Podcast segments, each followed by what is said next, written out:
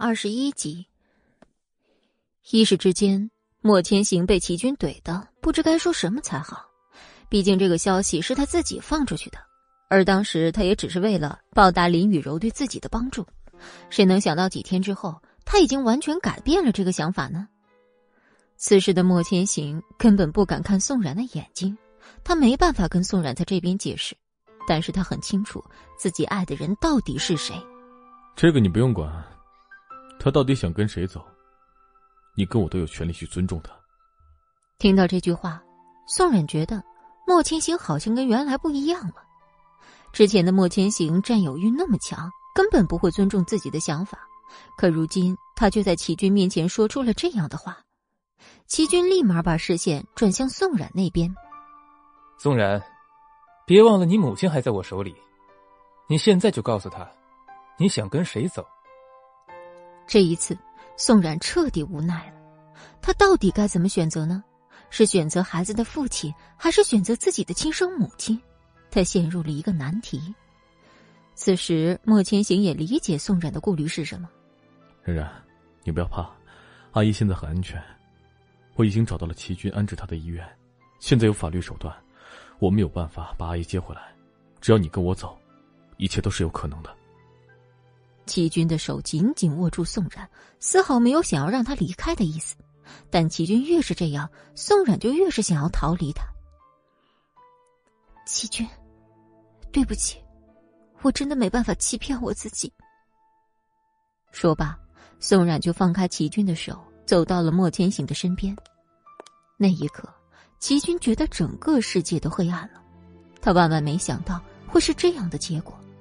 自己等了这么多年的人，终究还是自己跑到了对方身边，那他算什么？备胎吗？看着宋冉过来，莫千行赶紧拉起他的手说：“你终于回来了，我保证，以后再也不会让你随便从我身边走掉了。”说罢，莫千行就带着宋冉回去。偌大的机场，只有齐军一个人。他眼睁睁看着宋冉跟莫千行从自己身边离开，整颗心都要碎了。从那天起，他就发誓，这辈子都不让宋冉跟莫千行好过。今天是林雨柔的生日，他特地买来蛋糕庆祝。本想等莫千行一个惊喜，自己便在其家里蹲着。只是不知为什么，这都已经晚上八点了，莫千行还没有回家，打电话打不通。但奈何他又不想走，就一直待在这儿，等啊等，一直等到晚上十点，才等到了一辆车从他面前晃过。此时的林雨柔像是一只开心的小燕子一样，蹦蹦哒哒的走到那辆车前，看到莫千行时，更是开心的不行。千行，你终于回来了，你看我准备了什么？可紧跟在莫千行后面的，却是的一直千防万防的宋冉。他简直不敢相信今天发生的一切，明明宋冉一直待在齐军身边，怎么会突然蹦到他的面前，又会出现在莫千行的车里？这一切的一切太不可思议了！千行，你怎么把他带回来了？我们，你们不是？林雨柔一脸懵逼的看着他们，一不小心将手上的蛋糕砸在地上。生日快乐四个字也瞬间被砸碎。林雨柔，我今天正式向你宣布，我不会跟你结婚的。对于你对我的帮助，我会以金钱的方式打到你的账户上，我们从此就两清了。林雨柔哪里是那种会在乎金钱的人？她在乎的根本就是莫千行这个人。如果人都没了，他要那么多钱有什么用？你现在说这些还有用吗？你知不知道，今天是我的生日，我等了你这么久，就等来你一句解除婚约。你把我当什么？当玩具吗？想玩就玩，想丢就丢。我告诉你，没那么容易，我会让你付出代价的。说罢，林雨柔就将她为莫千行准备的领带深深的打在他的脸上，而目睹这一切的宋冉。像是经历了一场暴风雨一样，他万万没有想到莫千行会这么简单直接的拒绝林雨柔。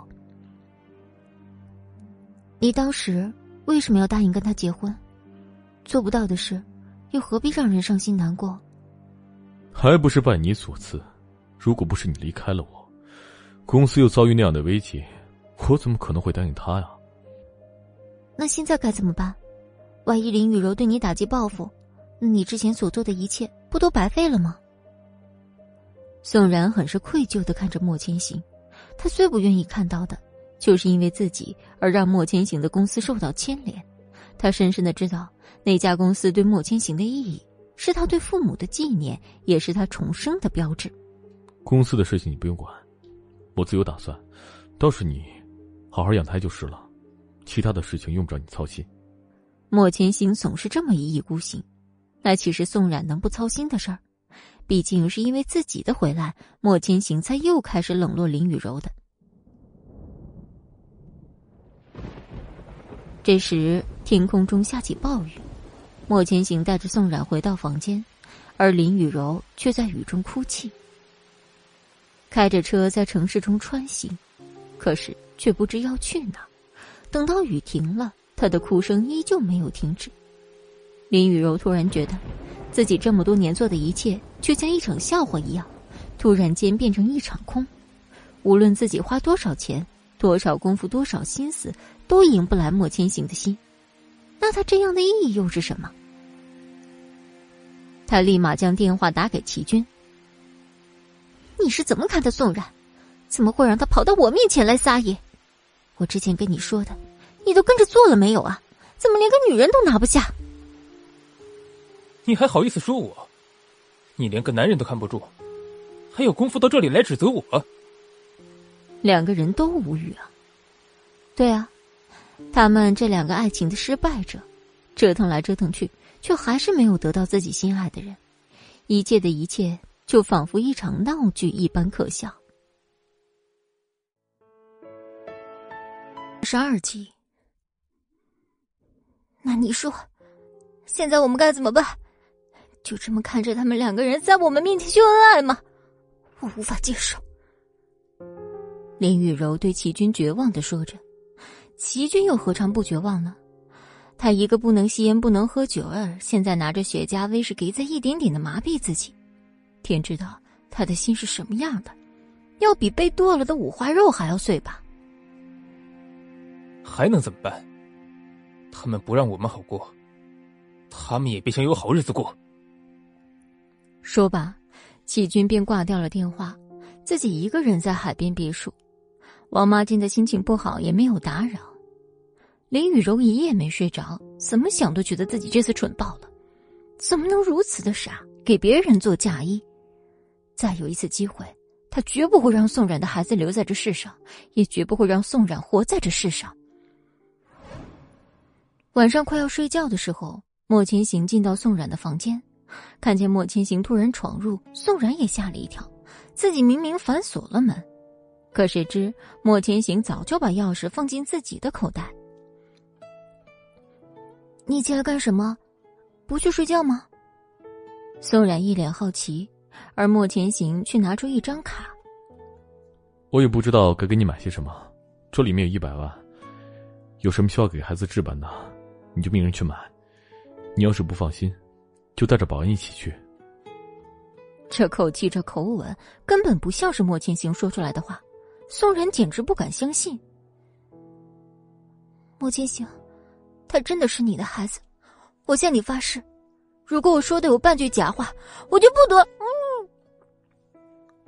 还没等宋冉说完，莫千行就将手捂在宋冉的嘴上。我相信。两人对视的时候，世界仿佛一下子静止了。被人相信的感觉简直太幸福了。宋冉将手紧紧抱住莫千行。以后，我们一家三口再也不分开了，好吗？莫千行也同样紧紧抱住宋冉。放心，我们永远不会再分开了。时间一点一点过去，宋冉跟莫千行开心的生活了一个月，也到了该产检的日子。莫千行拉着宋冉的手一起到了医院，满怀期待的走进检查室。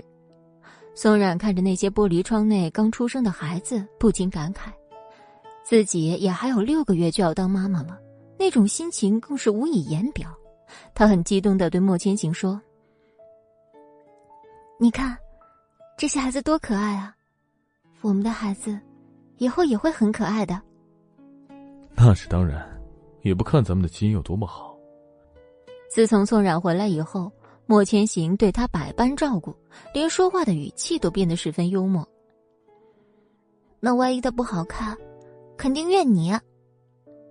为什么这么说啊？我这么帅的一个人，不好看的话，肯定是你的基因。具体是谁的基因啊？你不知道吗？是我的，是我的总行了吧？好了。快去检查吧，医生都给你预约好了。这还差不多。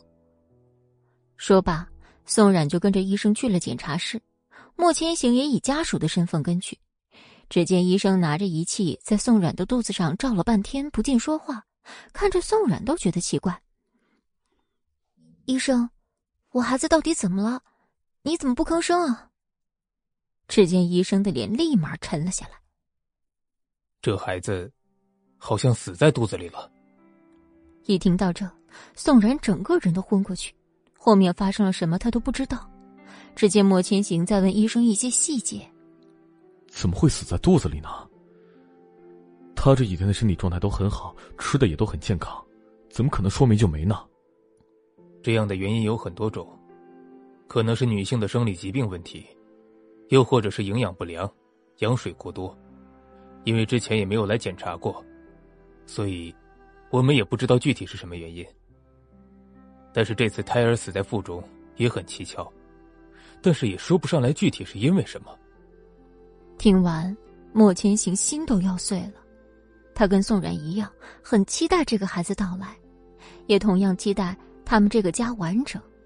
现在孩子突然没了，无论是对宋冉还是对莫千行，都是一个巨大的打击。真的，一点办法都没有吗？我们真的很想要这个孩子。莫千行很是恳切的哀求着医生，眼泪都在眼眶里打转，但是真的一点办法都没有。很抱歉，莫先生。但凡可以把孩子救下来，我们都会抢救的。但是现在为了病人的健康着想，我们建议立马做引产手术，不然，死胎在病人体内多留一天，都会给病人带来后遗症。医生一脸严肃的说。莫千行也不得不答应让宋冉做引产手术。他们好不容易才冰释前嫌，却没想到是这样的结果。看着护士将宋冉推进手术室的那一刻，莫千行发誓再也不会让宋冉离开自己一步。如果自己能早点带他来医院检查，就不会发生这样的悲剧。只是，就在莫千行等待手术的过程中，护士突然出来说：“不好，病人大出血，急需输血。”请问你们家里有 A 型血的吗？莫千行是 B 型血，自然不可能。请你们务必找到 A 型血的学员，花多少钱都无所谓。好，我们只是先确认一下，如果没有的话，我们就去学库找。还有，请家属做好心理准备，这次手术之后，病人的身体很可能会受到严重创伤，怀孕的几率可能很小。听到这以后，莫千行整个人都快坐不住了，他没想到。这胎儿竟会给宋冉造成这样大的伤害，而他第一个想到的人就是齐军，能在宋冉身上下手脚的人也就只有他了吧？如果说他早就知道宋冉肚子里的孩子不是他的，那么在这段时间里，很有可能是齐军在宋冉的身体动了手脚，不然怎么会流产流的这么蹊跷？他立马打电话跟司母说：“这边出事了，你快点来医院一趟，我有急事跟你商量。”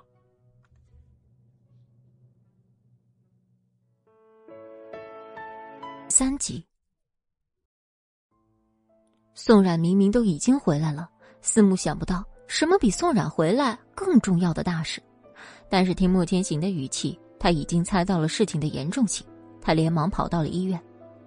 此时的宋冉也刚刚从手术室里出来，安顿好了他以后，宋冉的麻药劲儿还没有退下，莫千行拉着他去隔壁的房间。怎么了，千行？宋然怎么又进医院了？怎么还在手术室里？看见宋冉输液浑身苍白的样子，死木就觉得大事发生了。冉冉的肚子里怀的是个死胎，我怀疑跟齐军有关系。这段时间你帮我查一查，看看能不能发现什么蛛丝马迹。医生说这次的死胎有多方面的原因，但是他也不确定是因为什么，所以我们必须自己查出来。思慕也是跟宋冉一起长大，跟莫千行是一样的好朋友。看到宋冉发生这样的事儿，他也于心不忍。天哪，这个齐军这么缺德，连个小孩子也不放过。要是让我抓到他什么把柄，我定要他为这件事情付出代价。思慕很同情的说道：“这对情侣分分合合这么久，好不容易能有个孩子安分一点，就出这样的大事，思慕只觉惋惜。这件事情肯定没有那么简单，林雨柔那边你也看着点我怕她再闹出什么幺蛾子。”好，我知道了。你就安心照顾宋冉吧，其他的事情就交给我。莫千行的语气变得极其温柔，不再像以前那般暴躁，连四目都觉得他跟以前不一样了。那就辛苦你了。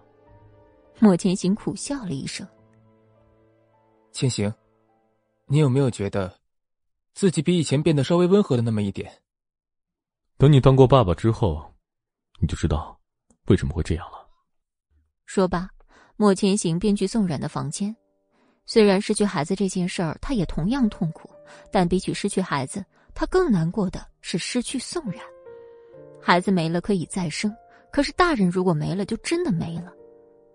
看着那张苍白无力的脸，莫千行只恨自己没有多陪在宋冉身边。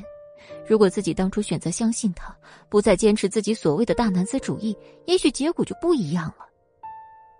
等了大概有一个多小时，宋冉才慢慢苏醒过来。看到莫千行时，整个人都不好了。千行，我做了一个梦，我梦见我们的孩子没有了，是真的吗？看着宋冉那快要崩溃的样子，莫千行不忍心对他说出这个事实，但事情已经发生了，就算瞒，能瞒到什么时候呢？冉冉。我们还会再有孩子的，你不要太难过。莫千行有气无力的说着这话，当他开口时，虽然觉得自己整个脑袋都是懵的，明明昨天孩子还在自己肚子里，今天怎么说没就没了？老天爷仿佛给他开了一个巨大的玩笑，让他在这种失去跟得到中徘徊。宋冉承认，自己一开始确实不想要这个孩子，但是当这个孩子……一天天在他肚子里长大，也慢慢有了感情。如今说没就没，就好像是从他身上挖走一块肉一样疼。怎么会？我向来吃饭都很仔细，我连走路也没有磕过摔过，怎么可能说没就没了？你 有没有问医生啊？具体是什么原因啊？宋冉迫不及待的想要知道孩子掉落的原因，他不相信就这么没了，看着宋千行的眼神也极其的恐惧。冉冉，你不要激动，我已经问过医生了，他说这是多方面的原因，跟你的身体素质还有心情都有关系，具体是什么，我已经派人去查了，你先好好的养身体，我们以后还会再有孩子的。莫千行撒了谎。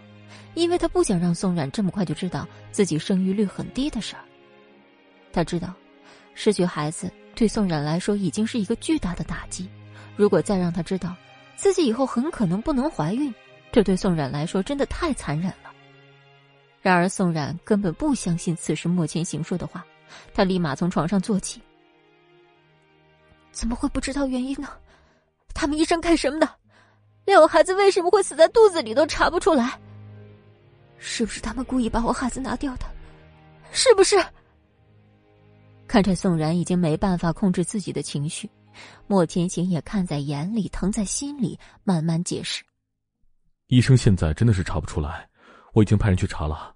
然然，你不要激动，小心伤了身子。”我不要我的身子，我要我的孩子，我想每天都看着他长大。我期盼我能当妈妈，可是这一天眼看就来了。为什么要这样对我？我到底做了什么对不起别人的事要这么对我？旁边的护士实在看不下去，安慰道：“小姐，你还年轻，以后机会多的是，只能说这孩子跟你没缘分，下次一定就好了。”谢谢你，护士小姐。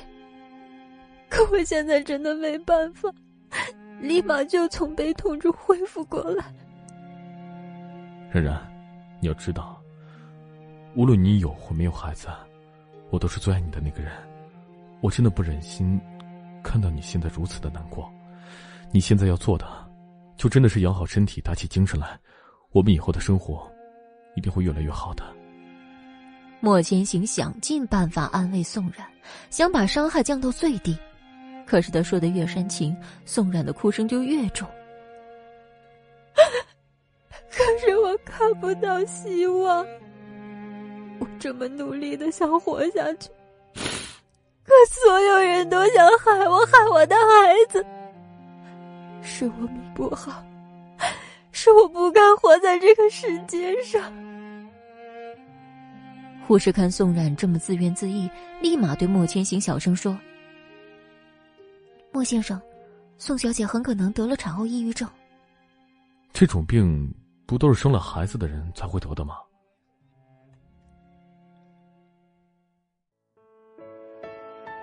二十四集，宋小姐这属于小产，也属于产后抑郁症的一种，大多数是因为接受不了流产事实而焕发的。看这情况，十有八九，我需要给你请一个心理医生了。护士耐心解释着，而宋冉依旧沉浸在自己的悲痛之中，没有理任何人。我知道了，谢谢你吧。说罢，护士小姐就离开了。整个病房里只剩下宋冉跟莫千行两个人，他紧紧抱住宋冉。冉冉，没关系，想哭就哭吧，这里没有外人。你哭的再狠再凶，我都不会说你的，也不会嫌弃你。我知道你很伤心，这个孩子没了，我也很伤心。我给你时间，我相信你一定会好起来的。听完莫千行的话之后。宋冉更加肆无忌惮哭了起来，可能是因为莫千行给了他空间跟时间，他的情绪一下子释放出来，反而哭过之后会好一点。但每次想到那个孩子，都会觉得自己欠他的。而每当这时，莫千行都会上前温柔的抚摸着他，给他力量，让他振作。但是光靠莫千行一个人的力量是不够的，他还找来心理医生，每天开导宋冉。告诉他，生活是美好的，只要养好身体，以后都会好起来。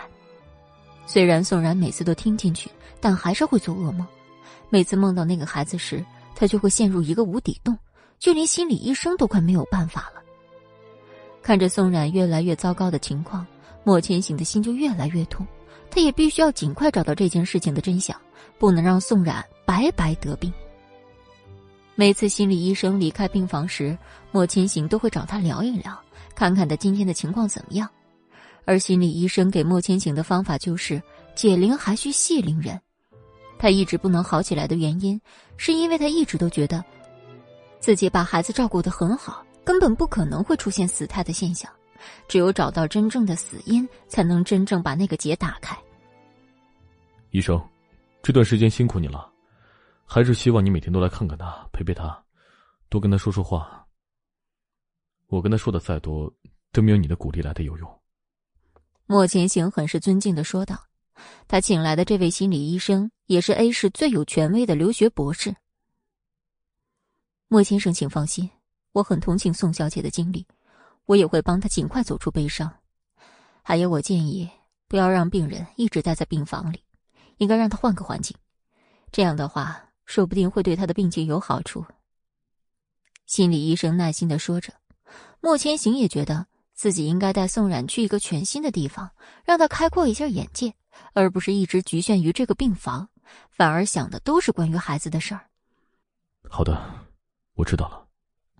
莫千行送走心理医生以后，就过来陪宋冉了。自从宋冉进医院以后，他就没日没夜照顾宋冉，连家都没有回过。就连洗漱都是在医院完成的，公司的事情也都交给思慕和慕云来处理。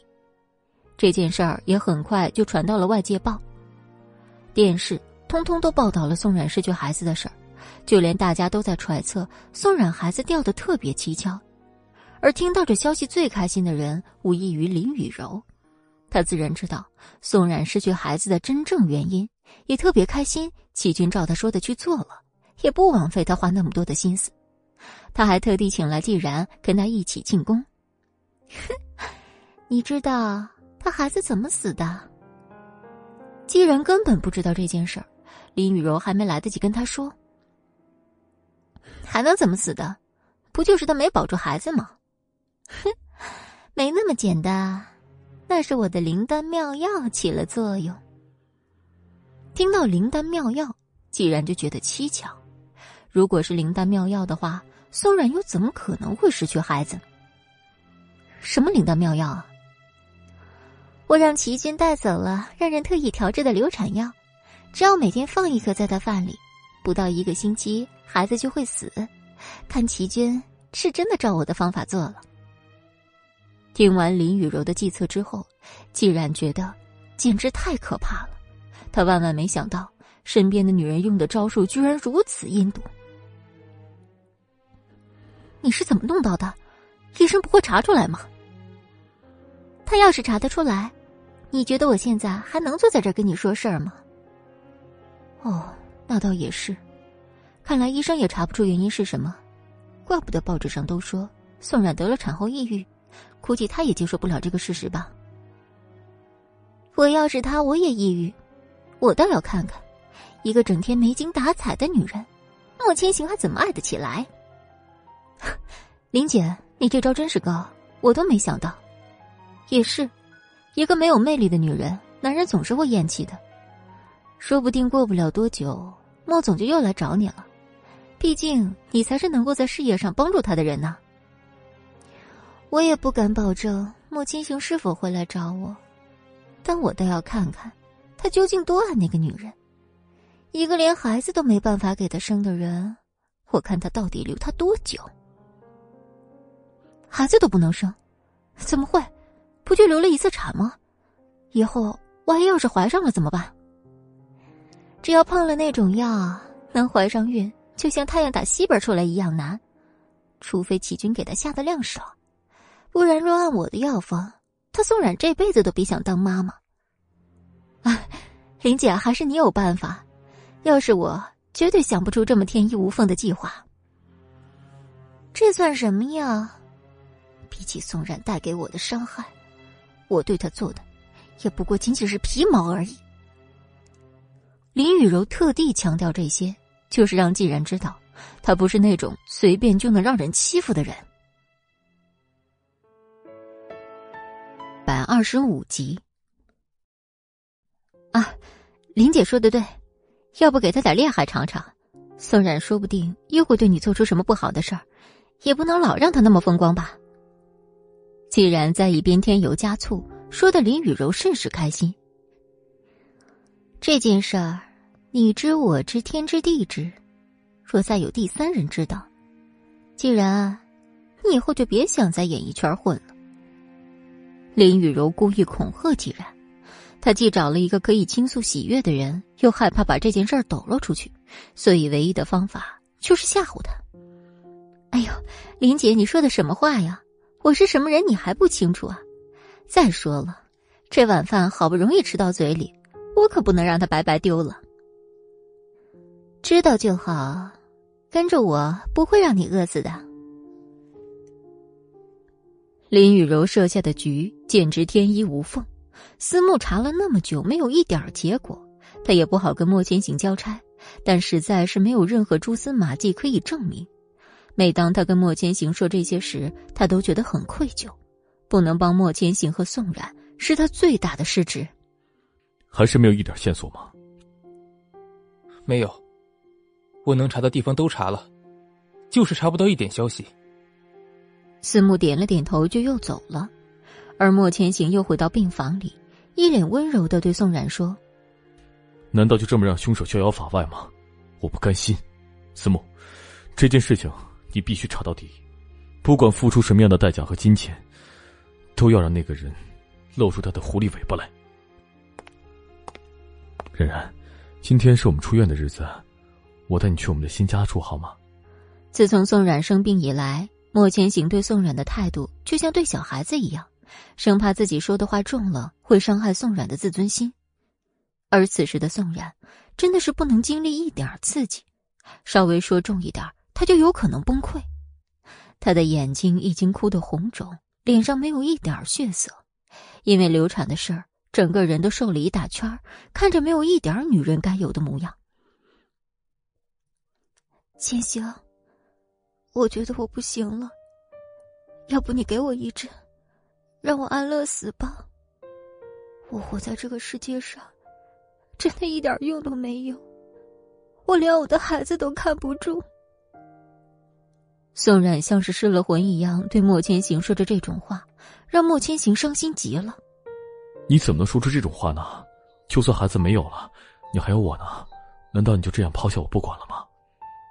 我现在就是个废人，我没有一点生气。你要我干嘛？你不是废人，你是我千辛万苦要娶了的妻子，是要跟我走过一生的人。宋冉何尝不知道莫千行对他的用心，但眼下实在没有办法让他可以开心起来。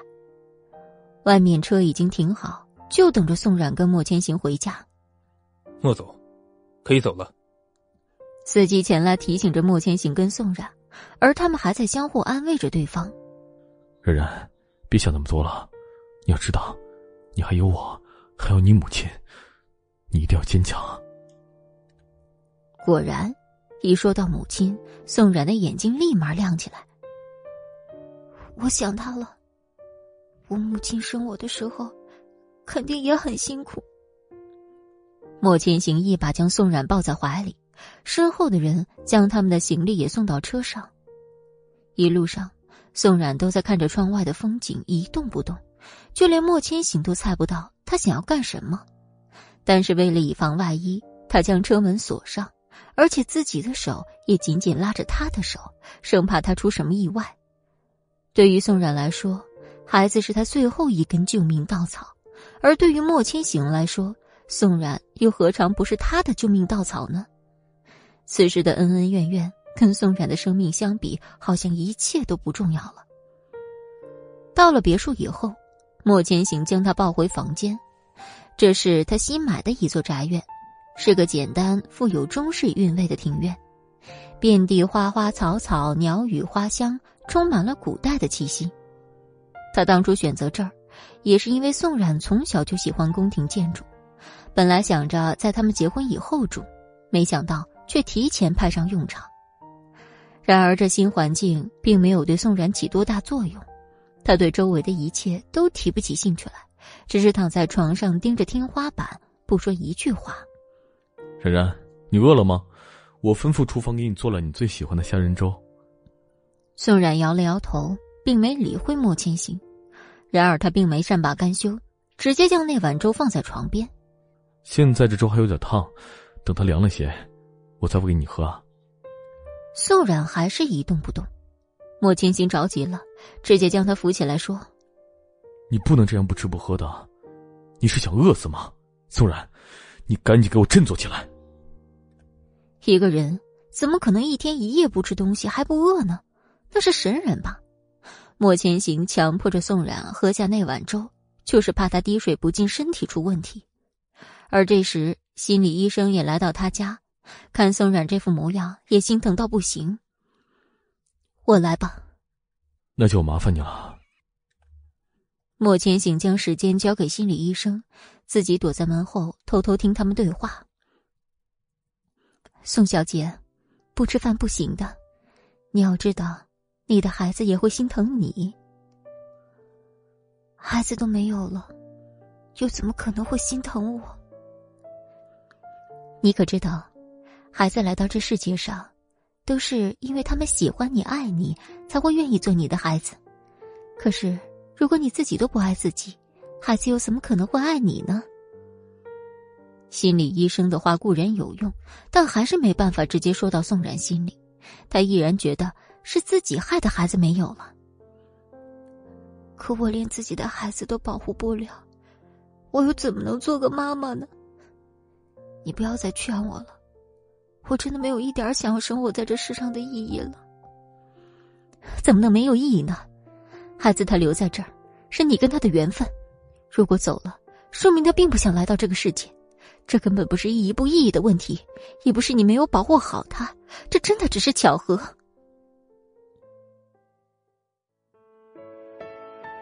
二十六集，你知道吗？莫先生每天都在跟我讨论你的病情，他已经几天几夜没有合过眼了，每天就靠那么一两个小时度过漫长的一天。他这几天连工作都没有，一直把心思花在你身上。你如果真觉得自己存在没有一点意义的话，你让莫先生怎么办？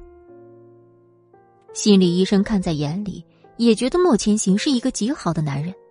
他遇到过那么多的情侣夫妇，莫千行对宋冉是最有耐心的。无论任何时候，他都坚定自己的想法，从来没想过要放弃宋冉。这是让心理医生觉得最感动的地方。宋冉听完以后也很触动，因为没有任何一个人跟他说过这些。他的眼泪立马就从脸上流了下来。我也不想这么颓废，可我就是控制不住我自己，我真的不知道该怎么办。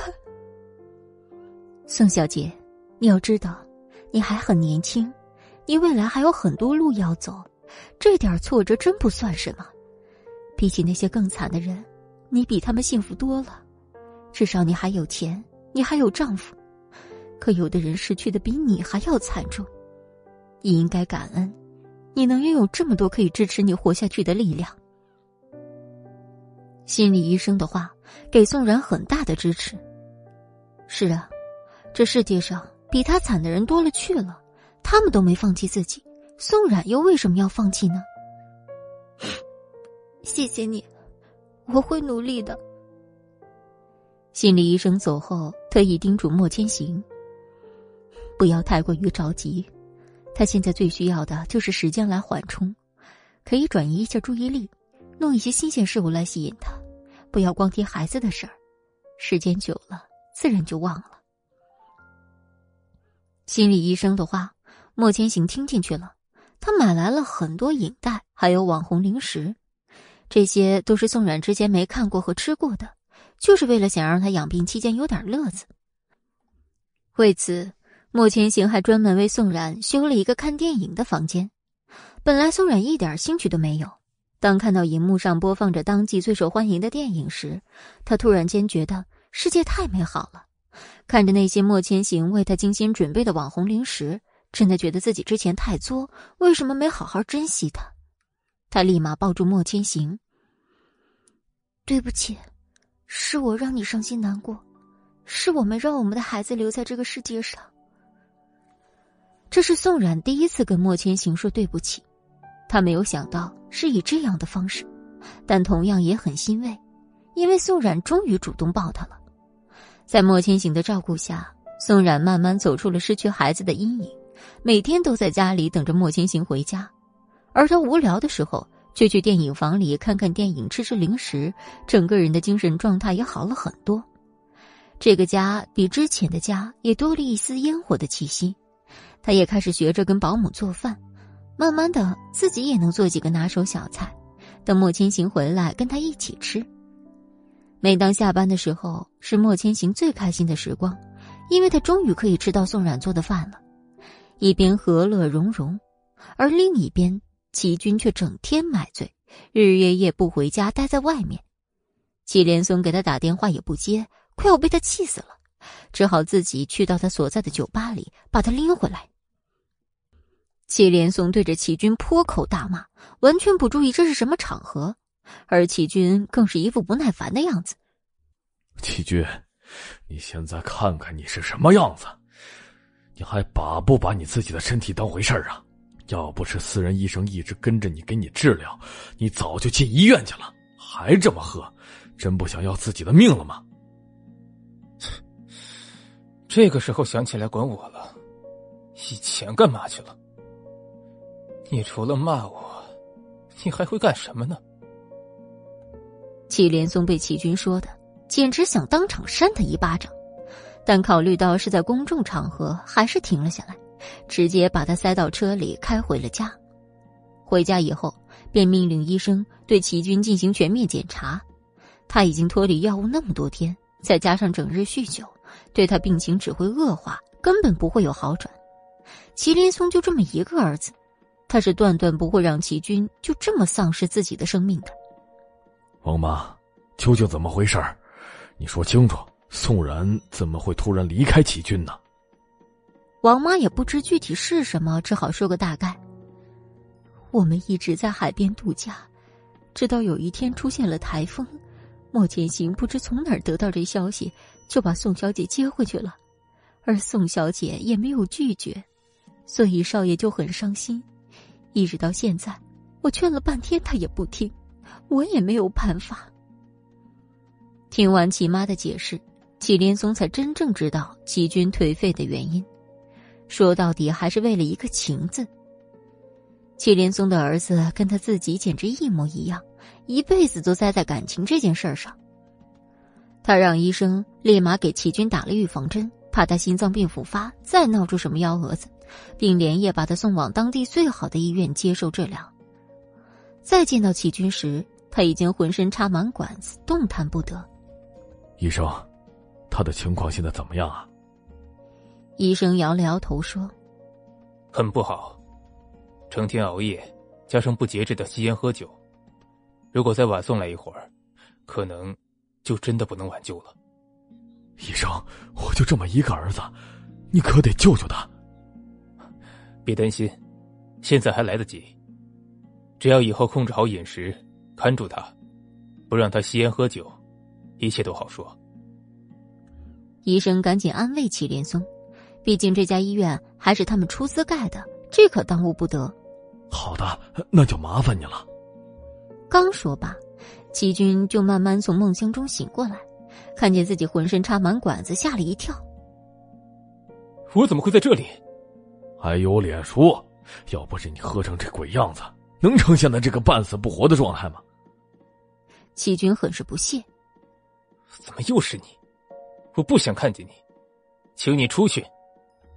王妈立马劝说道：“少爷，你别这样，他是你爸爸。”七集，他不是我爸。我爸早在十多年前就已经死了。跟着我妈一起死了。季军还是无法忘怀那件事，他还是不能接受自己的母亲死在自己眼皮子底下。季军，我现在在跟你说另外一件事情，请你不要老是提这些陈年旧事来恶心我。快说，你跟宋然到底怎么了？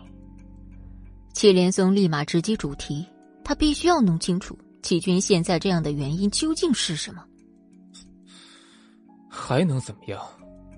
人家不要我了呗。我上赶着想娶人家，我也不在乎他的孩子是谁的。可他就是不喜欢我，就是不想跟我结婚。我能怎么样？齐军的样子像极了年轻时的祁连松，他立马扇了齐军一巴掌。人生在世还有很多重要的事情，你怎么能纠结在一个女人身上呢？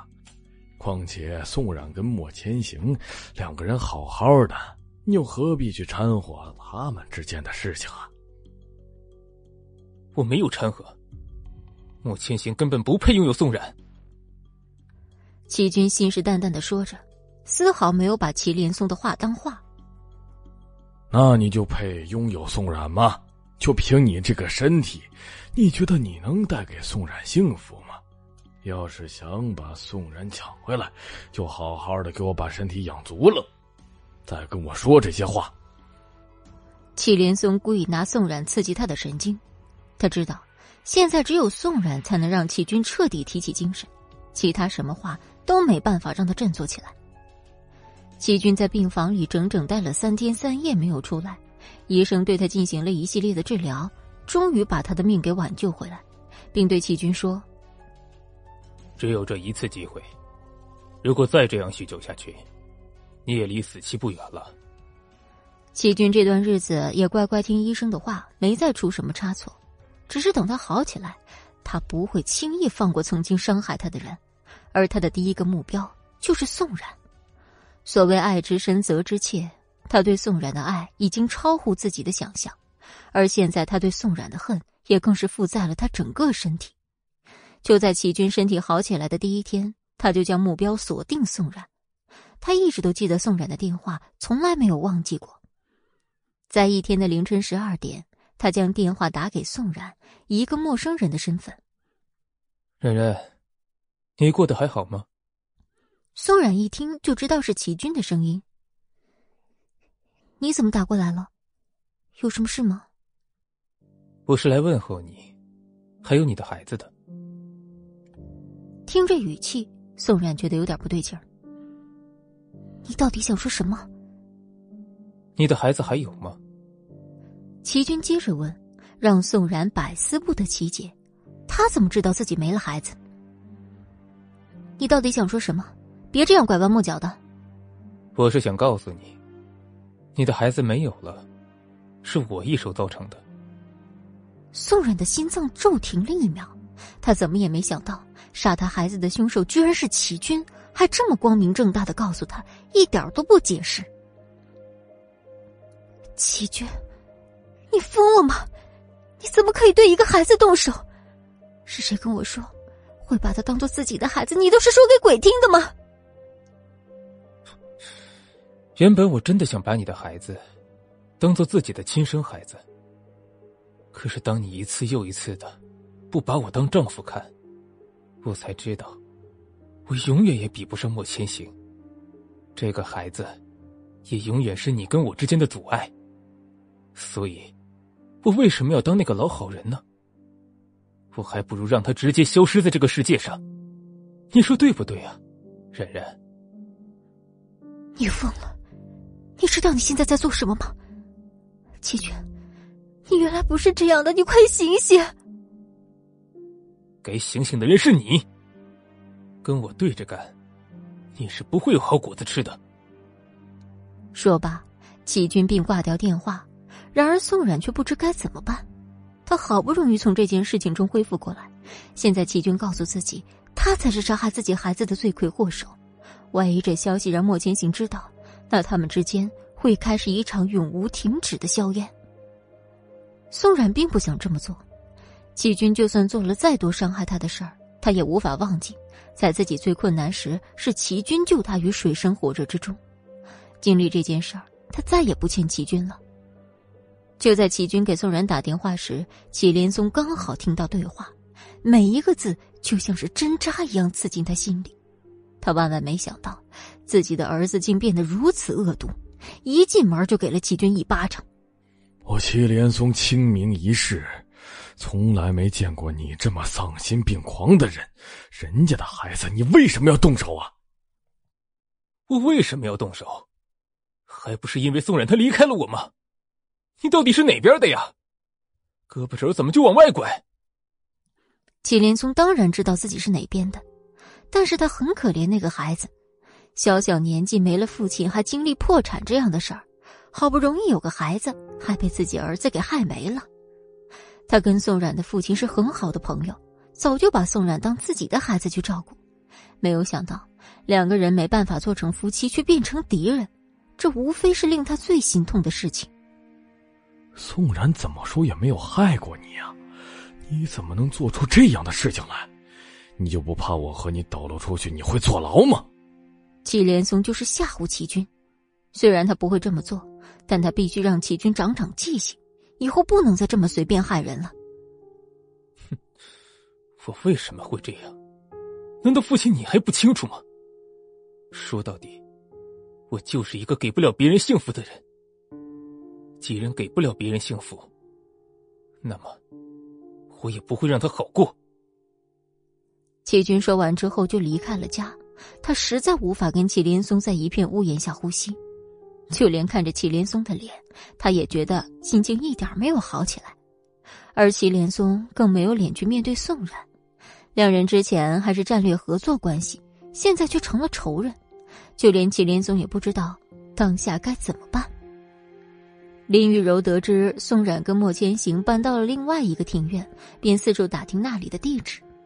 终于，三天之后，打听到他们现在所居住的地方，他决定好好去会一会宋冉，看看他现在到底抑郁成什么样子。八集。而此时的宋冉根本没有意识到林雨柔会找上门来。他一直待在家里看书，直到听到外面有人敲门，自己才发觉有人要过来。当时他也没想那么多，以为是莫千行的客人，自己就去开门了。而没有想到，开门看到的人却是让自己厌恶无比的林雨柔。看着那张无比熟悉的脸，宋冉就觉得恶心。这里不欢迎你，请你走吧。哟。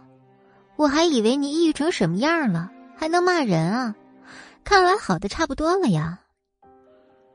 你到底想干什么，林雨柔？你有完没完？宋冉不耐烦的看着他。对于林雨柔这种死缠烂打型的贱人，他真的是没有办法应对。什么叫我有完没完啊？是你有完没完才对。你不是已经跟莫千行分手了吗？为什么要回来？你不知道？我们两个快要订婚了吗？你还跑过来拆散我们，你才是罪魁祸首的贱人！你除了会说这些话之外，你还会什么？难道你就没有想过，为什么莫天行选择的是我而不是你吗？还能因为什么？不就是因为你这张狐妹子脸勾住他了吗？还有你这副假惺惺的态度，装可怜谁不会啊？只可惜。我天生不用谁可怜。不，你错了。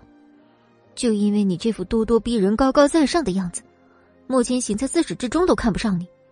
但凡你有一点谦卑之心，但凡你能善良一点，莫千行都不会不管你。但你一而再、再而三的让他失望，这就是为什么你一直得不到他心的原因。哼，还轮得到你来教训我呀？我告诉你，宋然。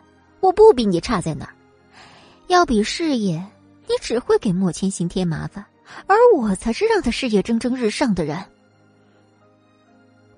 林雨柔的话倒是给宋冉提了个醒儿，她之前也是高高在上的大小姐，不过是遭人陷害才经历了破产一事。要论学历、论经验，她不比林雨柔差，只不过一直都在还债中埋没了自己的才能。你想说的只有这些吗，林雨柔？你别忘了，八年前我跟你一样，也是高高在上的千金小姐，也受过贵族教育，我不比你差在哪儿。要论事业上的帮忙，是，我现在是没办法给他任何意见，可你又能给他什么呢？别忘了，你在学校的时候可是垫底的，你现在，也只不过是花钱请人来帮你出主意，算得上什么本事？宋冉的嘲讽一下子激起林雨柔的怒气，他刚想一巴掌扇在宋冉脸上，就被莫千行拦住了。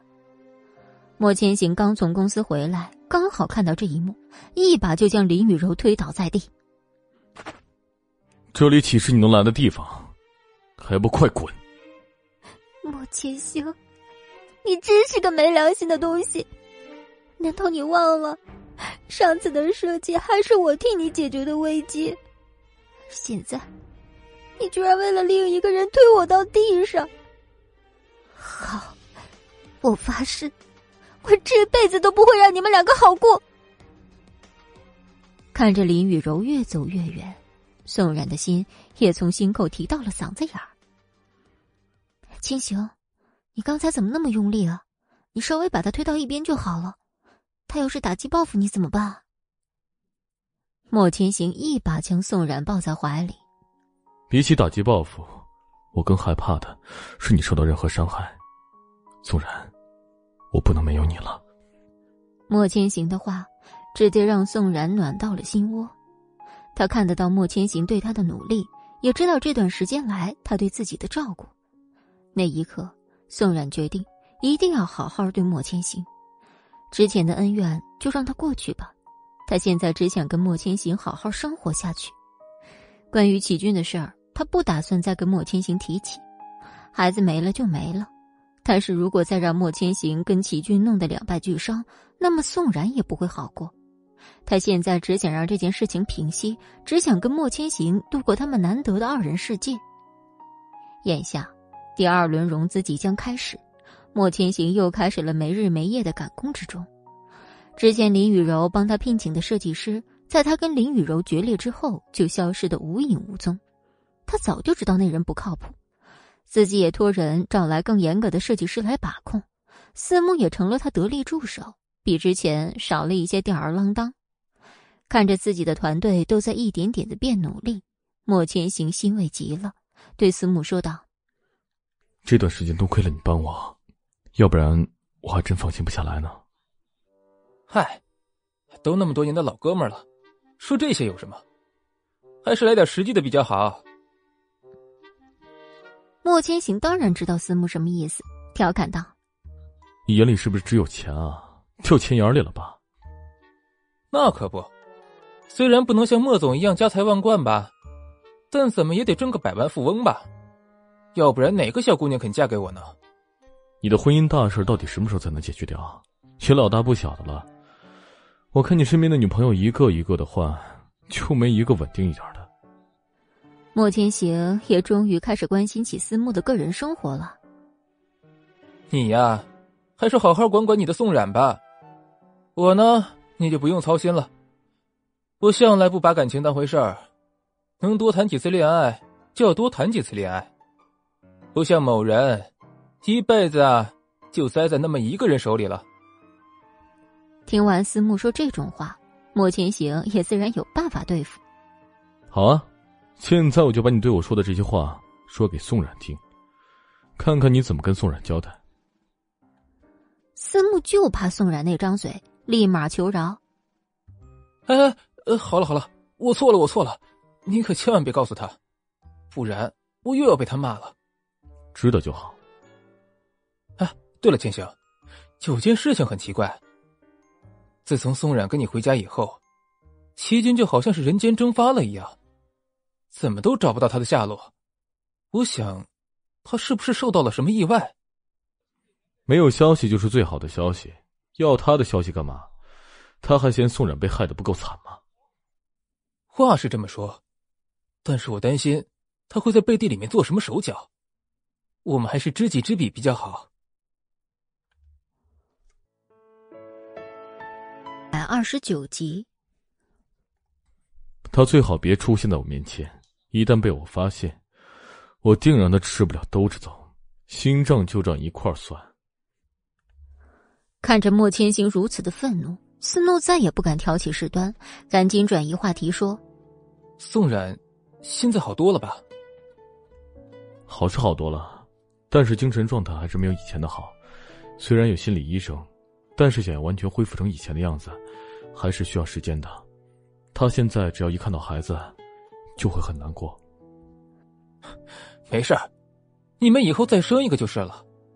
思慕并不知道，其实宋冉已经没有了生育能力。没有孩子也挺好的，我照顾他还照顾不过来呢，却照顾个孩子，哪有时间啊？莫千行很自然的说出这句话，让思慕觉得很奇怪，在他的印象里。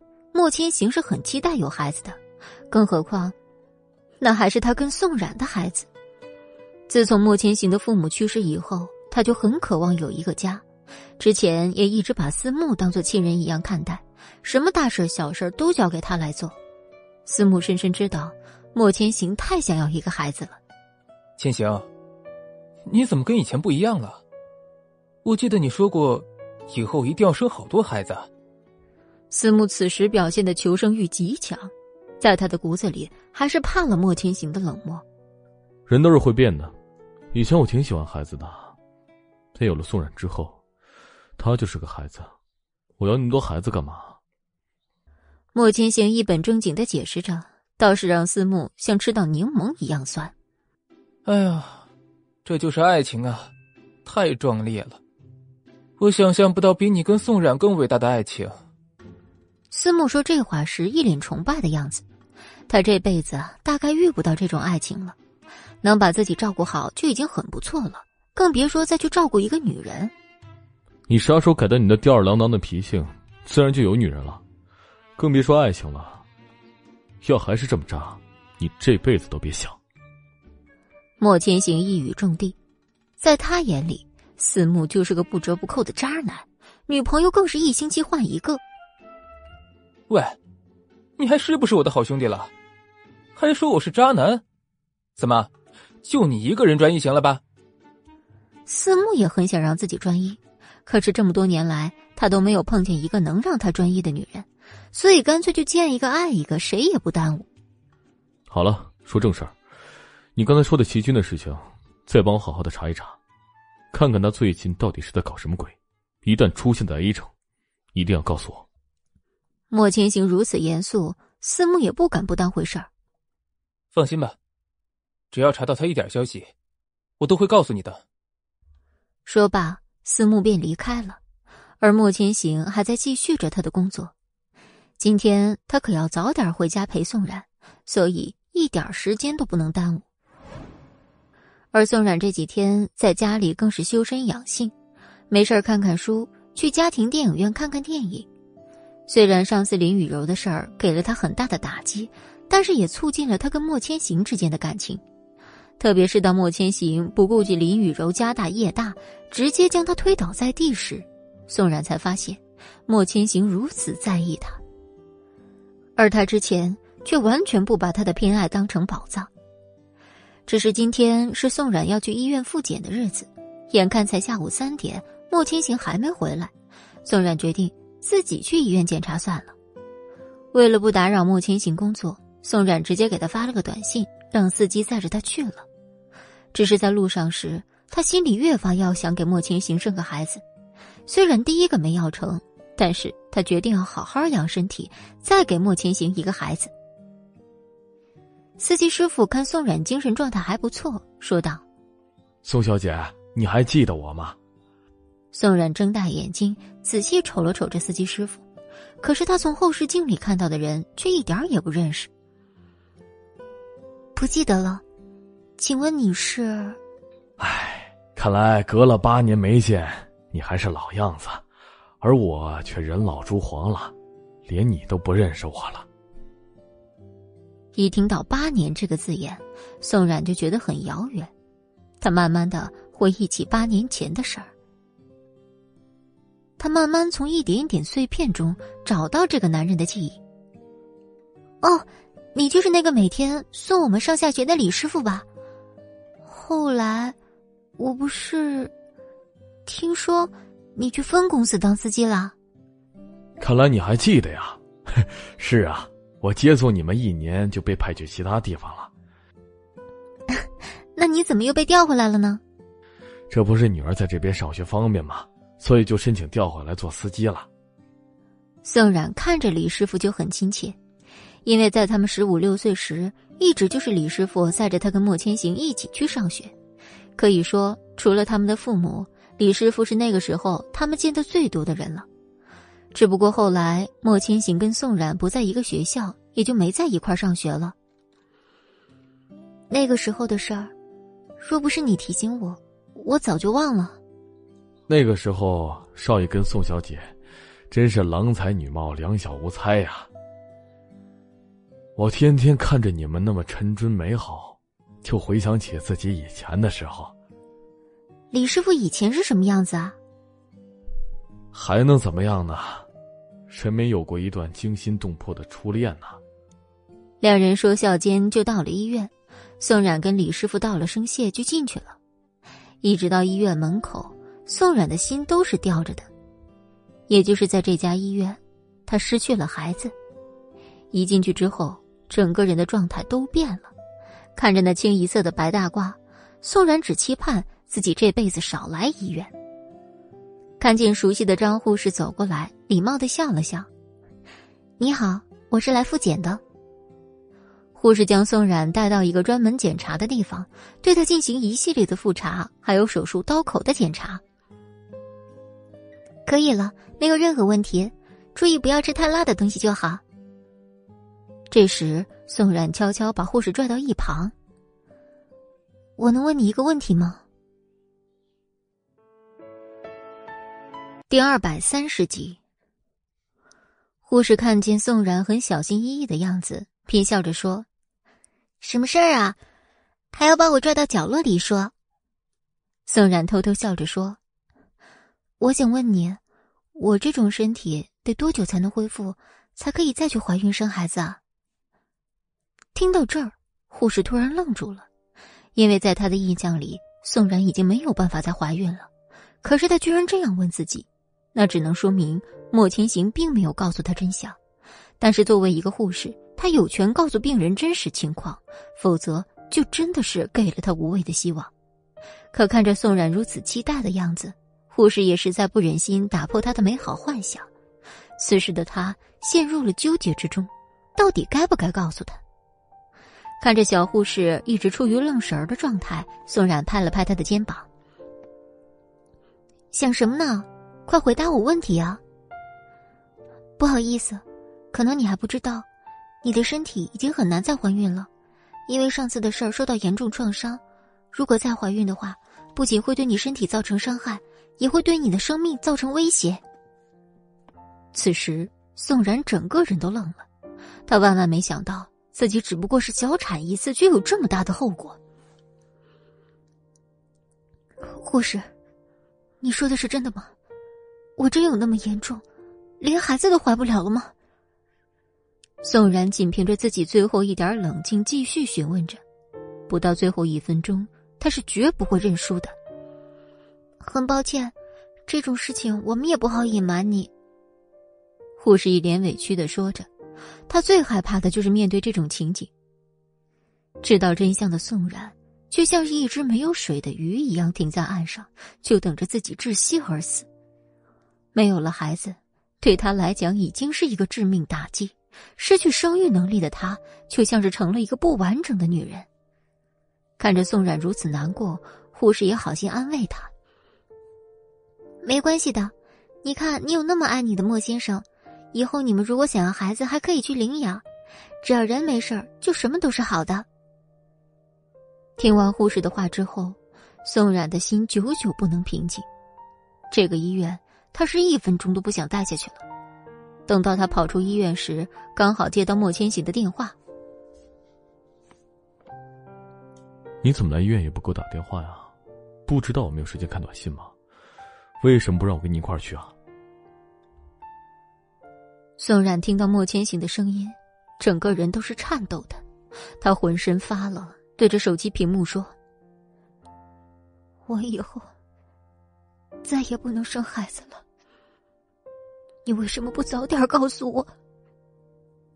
看着宋然已经知道真相，莫千行恨不得立马跑到医院去接他回家。然然，你别难过。你要是喜欢孩子，咱们就去领养一个。你要知道，其他什么都不重要，我们两个在一起才是最重要的。宋冉哭了，他真的难以接受这个事实，整个人站在医院里，就像一个笑话一样。虽然没有哭出声，但是满眼都是泪水。等到他走到司机面前时，把李师傅吓了一跳。呃，这怎么了？刚刚进去的时候还活蹦乱跳的。宋冉没有回答李师傅的问题，而是直接坐进车里。他想当面问清莫千行这问题。眼看医院一点点远了，宋然仿佛已经知道自己为什么会变成这样的原因。他立马打开手机，摁下那个他再熟悉不过的号码。没过几秒，对方就接了。冉冉，你终于想起我了。齐军，你到底对我做了什么？哼，我对你做了什么手脚，你不是已经很清楚了吗？而且，你也正在感同身受着。你可知道，因为你，我这辈子再也不会有孩子了。听到这儿，齐军整个人都懵掉了。他怎么都没有想到，那种毒药会造成这么大的危害。他明明已经问过林雨柔，这种药的伤害值有多大？明明只是让他失去孩子，怎么会落下这么大的病根儿？我没有，我真的没有。只是让你流产而已，并不会对你的身体造成伤害呀。齐军费尽心思解释着，他还不想让自己在宋冉心里这么恶毒。我说的话，哪句有假过？齐军，你记住，我根本不欠你什么。你喜欢我是你的事，但是如果因为你的喜欢，我就要遭受这样的伤害，我告诉你，门儿都没有。宋冉恶狠狠对齐军发下狠话，自己便在车上默默的流下眼泪。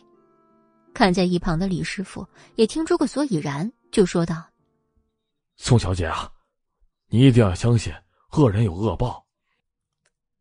可我一直都是别人在害我。”我从来没有害过别人，李师傅，你说我这样一个不愿惹是生非的人，为什么还是招了一身祸事？这个世界上本来就有很多事情没有答案，嗯，就像有些人他天生就是不喜欢你，而有些人却对你一如既往，所以我们该善良的时候一定要善良，但是该保护自己的时候呢，一定要拿起武器。不能让任何人伤害到我们一分。听完李师傅的话，宋冉像是得到开导一样，这比任何鸡汤都管用。他就是对齐军太放纵，才会有这样的下场。这一次，他绝对不会再心慈手软，一定要让齐军在他身上所下的伤害得到应有的惩罚。莫千行接到电话以后，一直在追踪宋冉的下落。看到他一直在往回家的方向走，便直接回家去等了。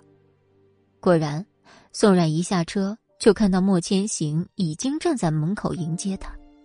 只是让莫千行意外的是，这次的宋冉不再像以前一样哭哭啼啼，而是沉着冷静的走过来，看着莫千行，终于忍不住一把抱向他。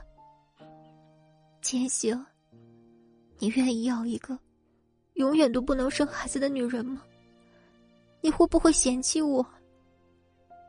宋冉楚楚可怜的说着，整个人都散发着魅力。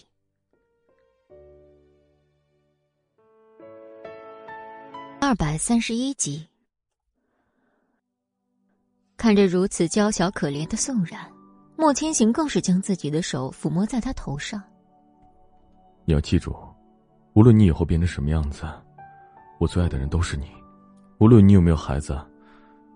我最心疼的，也只是你。听完莫千行的话以后，宋冉更是觉得自己都离不开他了，抱得越发紧了。母亲生病以后，宋冉将自己的心事藏在心里，没有一个人肯让他坦然心扉。而这次的事儿，也更加让他确定莫千行在自己心里的位置，其实就跟家人一样。看到李师傅时，他就回忆起。以前跟莫千行一起上下学的时光是那么的纯真。孩子虽然没了，但是他却无比珍惜莫千行。被挂了电话的齐军此时更是大发雷霆，他远远没想到那毒药的威力居然如此之严重，当天就坐了飞机回到 A 城，而他下飞机见的第一个人就是林雨柔。凌晨三点被叫去酒店是一种什么样的感受呢？就是林雨柔现在打着哈欠，漫不经心的站在酒店里等着齐军大驾光临。他还不知道此次齐军的目的，还以为他只是回来跟他商讨一下如何对付莫千行的事儿。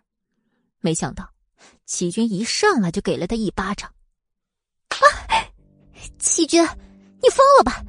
你竟然敢打我！我招你惹你了？我打的就是你。你当初跟我说的什么？为什么宋冉现在连孩子都怀不了？你最好给我解释清楚，不然今天你别想站着出去。你，也知道的，流产本来就会对女人伤害比较大，跟我有什么关系啊？你胡说！正常人如果流产了，只要稍微休息一段时间，就还能够再怀上孕的。但是现在宋冉一点怀孕的几率都没有了，你还说不是你害的？林雨柔知道这消息之后，更是暗暗窃喜，她巴不得宋冉这辈子、下辈子都怀不上孩子。那也不能完全怪我呀，那药是你自己给他吃的，按理说，你也是帮凶，你打我有什么用啊？我怎么会遇到你这么厚颜无耻的女人？你可知道，你这样做的下场是什么？我再怎么厚颜无耻，也比你强吧？被对方甩了，还在替别人擦屁股。齐军啊，我是真不知道你怎么想的。要说宋冉到底哪点好？他现在都回到莫千行身边了，你觉得你们之间还有可能吗？你为他做的这些牺牲，还有用吗？听完林雨柔的挑拨，齐军整个人都不好了。关你什么事情？我愿意怎么对宋冉，那是我的事。而你没有遵守承诺，让他的身体遭了损害。林雨柔，你必须为此付出代价。看着齐军如此认真的样子，林雨柔心里也开始打退堂鼓。早知道就不见他了，还要挨一顿骂，还要受他威胁，真是太不值了。我说齐军啊，我这是在帮你啊。你想想看，宋冉要是怀不了孩子，那他跟莫千行的感情也就长久不到哪儿去。你想想，但凡恩爱的夫妻，他们怎么都会有个一儿半女吧？再说了，我之前很了解莫千行，他是一个很想要孩子的男人。你觉得一个不能生育的女人对他来说有用吗？肯定没有用啊！说不定过段时间，他就会回到你身边了。林雨柔还在做着挣扎，可此时的齐军已经半点听不进去。你最好现在立刻马上给我闭上你的嘴巴，否则。今天我就将你的嘴缝上，送进监狱。听完齐军的恐吓之后，林雨柔也不敢再说话，吓得退后了好几步。而此时的齐军更是愧疚万分，他对宋冉造成的伤害已经无法弥补，但是又对林雨柔的说辞没有一点办法。说到底，害宋冉变成今天这样子的人，终究还是他。你走吧。我再也不想看见你。齐军默默的对林雨柔说出这句话，也表明了他此生再也不会跟他合作的决心。林雨柔也是一肚子火，被人莫名其妙打了一巴掌，可还行？而现在的局面已经不可扭转，宋然已经把齐军当做仇人来对待，就算齐军给他再多的钱、再多的补偿，也没有办法让宋冉心里的创伤复原。而这件事的最大受益人就是林雨柔，他已经用借刀杀人的方式除掉了令自己最担心的部分，而接下来就是让宋冉永远从自己身边消失。但是要做到这一步实在是太难了，仅凭他一个人的力量根本不能让一个人消失，所以他也必须采取另外一种方式。既然不能对宋冉下手。那么莫千行就是他的下一个目标。莫千行知道宋冉今天心情不好，特意辞去两天的工作留下来陪他。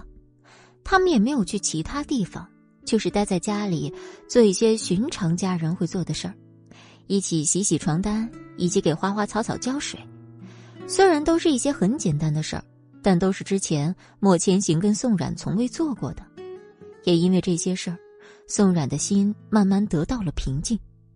可能快乐就是从这些小事中积攒出来的吧。冉冉，我们来计划一下吧，以后每个星期都抽出来一天的时间，做做家务，你说怎么样？你，你工作不忙了吗？还是嫌挣的钱太少了？你应该把时间花在应该花的事情上。而不是整天陪我。其实我没事的。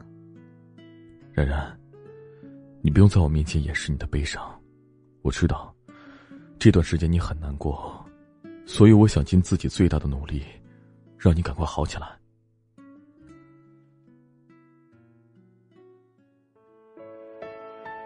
第二百三十二集，宋冉看着莫千行如此体贴，说道。真的没有事儿，我已经好很多了。比起这些，我我更想珍惜我们每一天在一起的时光，就这样就够了。说罢，莫千行便在宋冉的额头上留下深深一吻。冉冉，我此生有你足矣。两人缠绵了好一阵儿，等到快晚上时，莫千行接到公司的临时通知，这才离开宋冉。我处理一件事情，很快就回来，你先睡觉，不用再等我了。嗯，好的，就睡下了。这一晚，他睡得格外的香甜，在梦里，他还梦见自己跟莫千行的婚礼是在浪漫的土耳其举行的，两人还坐上热气球在天空中飞翔，看着那美丽的景色。第二天一早，宋冉就起来想给莫千行做早饭，然而他去了所有的房间，都没有发现莫千行的踪影。宋冉第一个想到的就是。莫千行肯定是在公司里加了一夜的班，拿起手机就拨通了他的号码，可是却迟迟没有回应。难不成是没带手机吗？宋冉一个人站在那儿自言自语的说着，看着打了半天电话没有回应，宋冉只好求救于他人，直接打了思慕的电话。莫天行在哪儿？怎么都不回我电话呀？明明电话是通着的，思慕那边却一声不吭。宋冉觉得很奇怪，继续问：“思慕，到底怎么了？你怎么不说话呀？”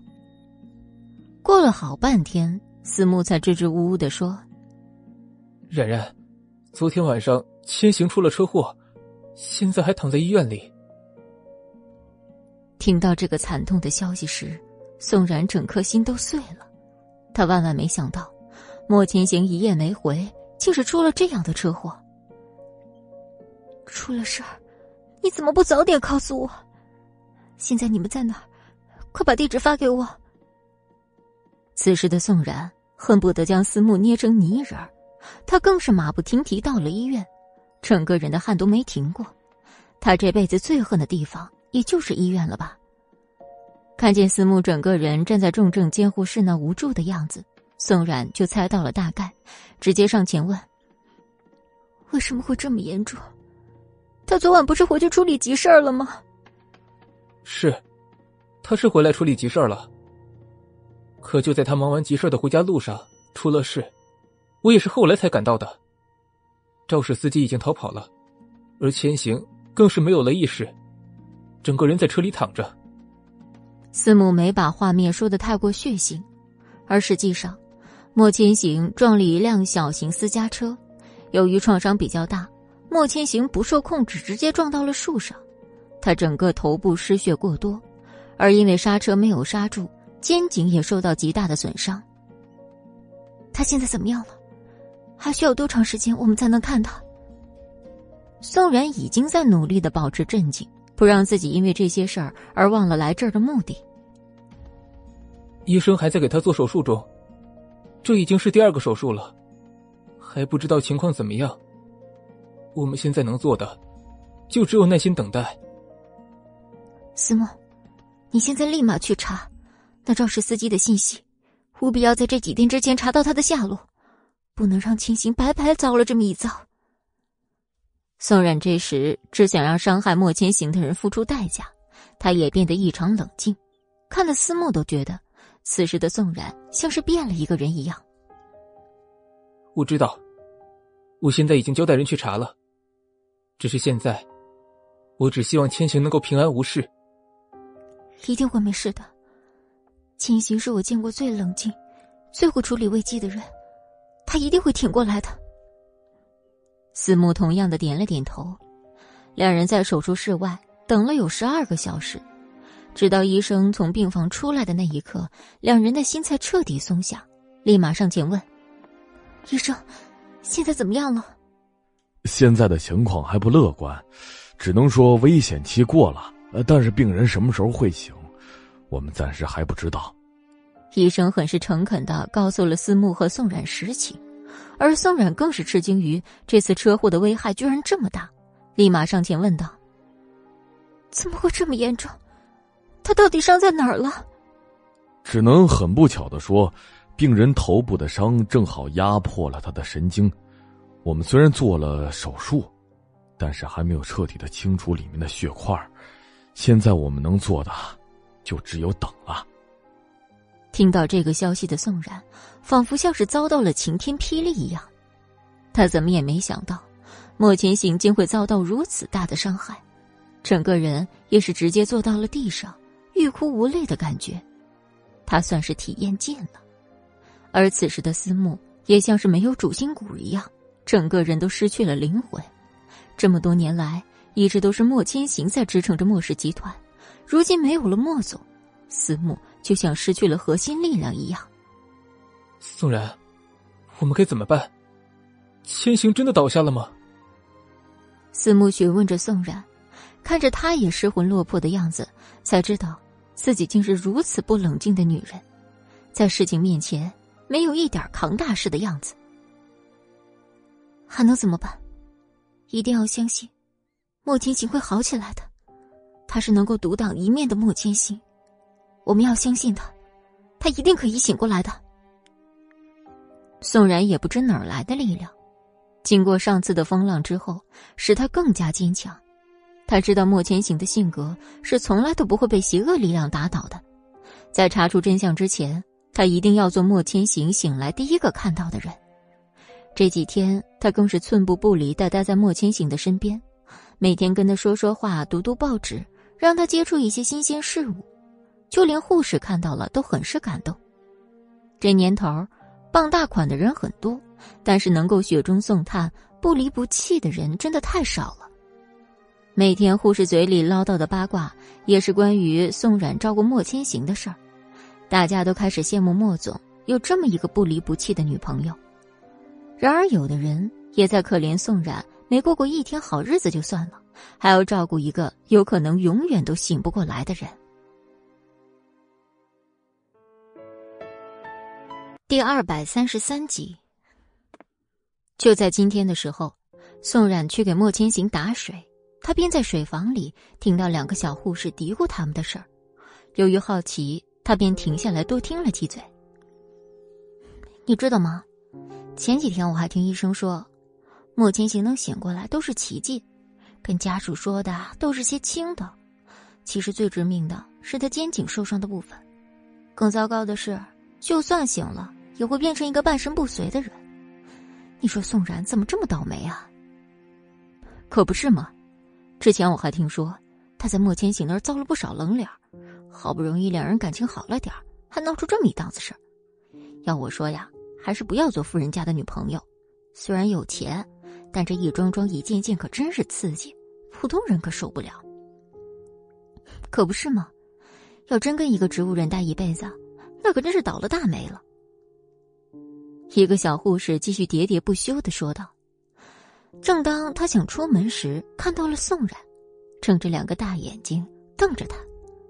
呃，不不好意思，宋小姐，我们不知道你在这儿。把你们刚才说的话。再说一遍。啊，这真是对不起，是我说过分了，你千万别在意，我们只是闲着无聊八卦八卦，没有其他的意思。我让你们把话再说一遍。对不起，对不起，宋小姐，我们以后再也不会八卦你跟莫千行的事儿了。我我们还要去工作，我们就先走了。如果我以后再听你们说莫千行会变成植物人的事儿，我一定会让你们吃不了兜着走，记住了吗？就在他们刚想踏出去第一步，宋冉就开始了他的恐吓。小护士连忙点头，立马飞奔过去，而留下宋冉一个人在那儿暗自悲伤。刚才护士的话，他也听了大概，他也算彻底了解了这次莫千行受伤程度之严重。但就算这样，宋冉也接受了这样的事实。就算莫千行以后可能会变成植物人，他也会待在莫千行身边不离不弃。这几天，司母也在帮忙联系国外的医生，争取让他们来到国内给莫千行做最好的治疗。然而，追查那个司机的事儿却怎么都没有线索，他像是逃之夭夭一般。更可恶的是，当地的监控更没有办法照出来，那辆车的车牌号想要找到，就像是大海捞针一样难。事情一下子陷入了一个死循环，而这幕后的操纵者林雨柔却在享受着这些恶果带给他的快乐。林姐，你也太厉害了吧！居然能这样不露马脚的让莫千行中招，他现在可是在医院躺着，动也动不了。既然一边给林雨柔吹着枕边风，一边夸赞他的办事能力，对付一个莫千行，我还是有点手段的。之前我是不忍心伤害他，但现在我们两个之间已经毫无情分可言，我又何必藏着掖着？该出手时就出手。对于莫千行给我造成的伤害，这点痛又算得了什么？林雨柔大快人心的说道。他已经不知犹豫了多少次，才肯下这样的决定。虽然别人只看到他冷酷无情，但是只有他自己知道，这些年自己的隐忍已经让他身心俱疲。无论是身上还是心理感情上，他都没有对不起莫千行半分。只是这一次，他决定主动反击。林姐，那这件事儿如果被查到，可怎么办呢？我害怕。你会受到法律的制裁。哼，你觉得警察有可能查到吗？监控都查不到车牌号，他能找到？做梦吧！那辆车我已经销毁了，就连司机我都送出国外，办好了签证。你觉得这事儿还能被查出来吗？既然这样，我就没什么可操心了。但是林姐，下一步你打算怎么办呢？万一莫千行永远都醒不过来呢？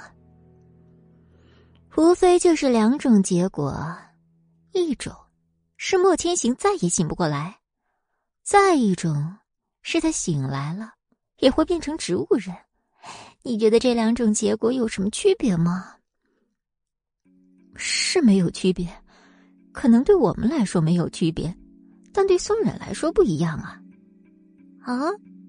说来听听，怎么就不一样了？你想啊，如果莫千行醒不过来，那宋冉就可能真放弃他了；但如果莫千行还活着，他只是变成了植物人，以宋冉的性格，一定会等到莫千行醒来的那一刻。哈哈哈，那又怎么样啊？宋冉得到的也是一个不完整的莫千行，那我们等着看戏就行了。此时的两人就像恶鬼一样，对视着对方，因为自己没有得到莫千行，而享受着别人也得不到莫千行的快乐。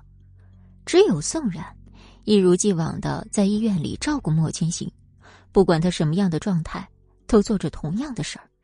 他始终相信，莫千行是不会就这么离开他的。但看着每天都要插着呼吸管才能活着的莫千行，宋冉更是心疼的不能自已。那么好强的一个人，如今却只能躺在床上一动不动。宋然只觉得自己更对不起莫千行了，在他醒着的时候没好好对他，而在他昏迷不醒时，自己又什么都帮不了，那种感觉真是太让人难受了。而这一天，思慕也带着暮云过来看他，看见莫千行动也不动的样子，暮云简直想掐死宋冉。四级，暮云已经暗恋了莫千行这么多年，之前也一直在他身边默默工作，没有表达心意。本来以为他遇到了宋冉，可以过上几天好日子，没想到这女人却害他嫉妒，差点失掉事业，现在连生命都受到威胁。暮云觉得宋然简直就是莫千行的克星。你是怎么照顾他的？能照顾到医院里来？暮云直接对着宋冉开骂，他也毫不顾忌宋冉是莫千行的女朋友。面对暮云的指责，宋冉也是无地自容。他知道，暮云是因为莫千行太过于在乎自己才主动放手的，不然暮云也将是他最大的情敌之一。是我没照顾好他，你们想骂就骂吧。宋然很是无奈，只有思慕肯帮宋然说话。好了，别说了，这件事情不能怪宋然，都是车祸惹的事儿，怪他干什么？你说以前，千行的事业蒸蒸日上，自从他把宋冉接回来以后，事业事业没搞好，这下连医院都住进去了，这样半死不活的样子，你说宋冉他不是莫千行的克星吗？听到这儿，宋冉更加接受不了。这件事儿虽跟他有一定的关系，但慕云这么说，就好像是把他往死路上逼一样。穆小姐，我尊重你，才让你来看千行的。如果你来只是挑拨我们的关系，我想你可以回去了。我怎么就叫挑拨你们关系了？难道你说不是吗？这么多年了，我是看在眼里，疼在心里。千行为你做了那么多，现在呢，一点好处没捞到，还把自己弄进医院。你到底得罪了什么人？那些人竟敢如此对千行下手？听到暮云的提醒，宋冉才一一感觉到点什么。现在他最大的敌人也就是齐军了吧？他也在怀疑这件事儿也许会跟齐军有关，但眼下还是得先跟慕云解释清楚为好。我现在不想再听你说任何话，谁是谁非，我们心里自然清楚。思慕，请你把他带回去吧。冉冉，你别生气。慕云他就是这么个脾气。哼，连说你都不行了。要不是看在你是莫千行女朋友的份上，我都想动手了。要是千行这次醒不过来，我第一个拿你试问。说罢，暮云便气冲冲的走了。思慕留下来，很是抱歉的说：“都怪我不好，是我不应该带他过来。你就不要当回事了，冉冉。这点挫折，我还是受得了的。倒是思慕，车祸的事有进展了吗？我就不信了，现在技术这么发达，能找不到一辆卡车？你是不知道，那辆卡车的车牌号是蒙着的。关键问题是。”现在我们找了 A 城所有的角落，都没有发现这辆车的存在。它就像是凭空消失了一样。而且那处的监控是最不清晰的，也只能照一个大概的方向。而我们沿着那个方向找了老半天，都没有任何的线索。听到这儿，宋然好像察觉到什么，能把计划做得如此天衣无缝的人，除了启军，再也没有第二个。他立马将电话拨通，而对方更是想了好久才接。听到宋冉的声音以后，齐军是又愧疚又觉得无话可说。齐军，我只想问你一件事：莫千行出车祸，到底跟你有没有关系？听到这儿，齐军彻底懵了。他哪里知道莫千行出车祸的事儿？这几天一直在医院里养病。可以说是大门不出，二门不迈，想报复都没有机会。什么车祸？我完全不知道。宋冉了解齐军，他知道齐军不是那种做了坏事还不承认的人。就从上次给他下毒药的事情来讲，齐军就是第一个告诉他实情的人。当他知道这件事儿不是齐军干的以后，立马挂断了电话，不想再跟齐军废话一句。只是这件事情。更加扑朔迷离，不是齐军的话，那还有谁呢？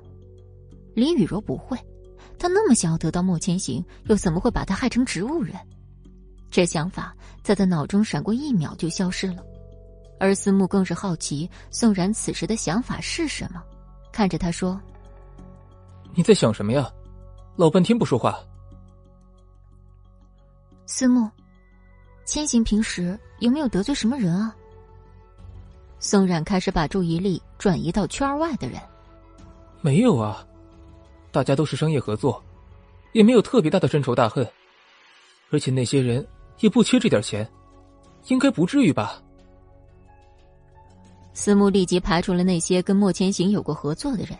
当时，当他们把所有人都筛查一遍之后，确实没有合适的人选。此时，宋冉陷入了一个谜团之中，他好像不知该从何查起。就在这时，护士从病房出来，给宋冉下了一个病危通知单。宋小姐，莫先生已经五天没有醒来了，我们决定再给他做一次手术，但存在一定的风险。这份病危通知单一定要签一下。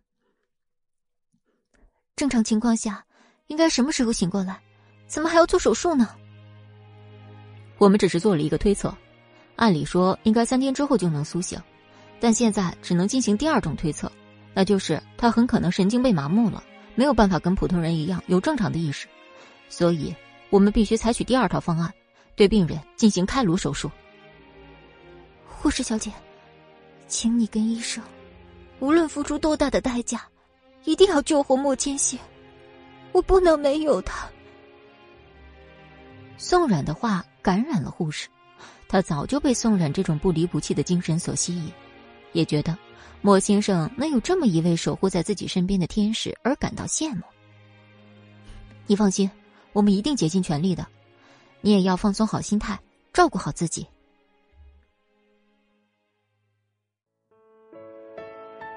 二百三十五集，此时的宋冉哪里能够放松心态？能不崩溃就已经是天大的恩赐了。他已经失去了自己的孩子，莫千行可以说是他在这个世界上最后的依靠，他不能没有莫千行，这一点在此时十分坚定。听完护士的话，宋冉就在那份病危通知单上果断签上自己的名字。因为一场误会，莫千行一直以为是自己的父母害死了他的父母。然而，宋然还没找到这件事的真凶，他必须要亲自告诉莫千行，他的一家是无辜的，所以无论如何，他都会等莫千行醒过来。他也坚信，莫千行不是那种说话不算话的人，他一定可以照顾自己一辈子。手术室上的钟表一秒一分的过去，宋冉的心里也犹如针扎一样不知所措。然而，能帮他的也只有他自己。一直等到手术灯灭那一刻，宋冉的心才稍微闲了那么一会儿，看着医生说道：“医生，请问进行怎么样了？叔叔还好吗？”医生无奈的摇摇头：“我们真的尽力了，但是病人能不能醒过来，就要看他的造化了。”眼看医生无奈的向前走去，宋冉心都要碎了，他唯一的希望。就要这么没了吗？在一旁等待的思慕实在看不过去，立马拽着旁边的护士说：“怎么回事？不是你们说的吗？只要做开颅手术，就能够让病人醒过来。这脑袋也开了，怎么还没有醒过来呀？”先生，不是你想的那样，我们只是试一下开颅是否对病人有效，清除脑中的血块。但是如果这场车祸压迫到病人的神经，那么不是我们能做手术就好起来的，还得看病人自己的求生意志。你们不是 A 城最好的医生和护士吗？怎么连一个病人也救不了？如果过几天千行还醒不过来，我立马让莫氏集团的资金从这家医院里面撤出来，还有那座快要盖好的急诊楼也立马停工。此时，医院的主任正好走过来。一听到思慕要撤资的消息，赶紧小跑到思慕面前。哎，司先生别生气，我们的护士是不会说话。呃，这次开颅手术没有成功，确实是我们的责任。你放心，莫先生，他一定会醒过来的。我们会采取所有的办法，只要有一线希望，我们就不会放弃。思慕知道主任什么意思，他对懂这些人在乎什么，立马补充道：“你们最好说到做到。”不然这笔资金，我可以随时撤出来。待医生和护士走后，司慕一转身就发现宋然整个人瘫在凳子上，面目无神，眼看着他就像一朵快要枯萎的玫瑰花一样，没有了任何的颜色。他连忙走到他面前说：“你这样可不行，必须要打起精神来。快，我们去吃点东西。”什么办法都试过了，可他还是没醒。我头一次觉得，人活着居然这么难。我又何尝不是如此呢？以前在公司的时候，都是千行出主意，我顶多算是个跑腿的。现在他不在了，公司都要靠我打理，我也是忙不过来，有些事情。也都是一点一点在摸索。我也多么希望他能够赶紧醒来啊！这样，我就还可以继续当那个吊儿郎当的助理了。两人互相看着对方，惆怅了好一会儿，也是一点办法都没有。最后，宋冉还是被思慕拖着去了医院的饭堂，随便吃了点饭，便又回去照顾莫千行了。而一直被蒙在鼓里的齐军，当得知莫千行现在动弹不得的消息时，他没有特别高兴，反而觉得有点不劳而获的感觉。他的第一直觉告诉他，这件事肯定是林雨柔做的。但同时，他也有点侥幸，没想到林雨柔在自己之前动手，已经开始了动作，还闹出这么大的动静。他可说是什么都没干就除掉了一个情敌，但是明明是一件让他开心的事儿，可却因为宋冉无助的语气而格外的心疼。此时的齐军对自己这种虚伪的善良十分厌恶，他宁可自己一点愧疚之心都没有。然而，却因为宋冉的一句话，让自己懊悔了许多。他知道宋冉的性格是断断不会那么轻易就放弃莫千行的。然而，想让宋冉回到自己身边，已经是难上加难。他现在特别害怕宋冉误以为这件事是自己做的，然而却拿他一点办法都没有。他立刻拨通了林雨柔的电话，气势汹汹的说：“你到底对莫千行做了什么？”他怎么变成了一个植物人？齐军啊，齐军，我帮你除掉一个祸害，你不感谢我就算了，你还说我，你到底怎么想的？难道你不想跟宋冉在一起吗？我是想要除掉莫千行，但不是以这种下三滥的手段。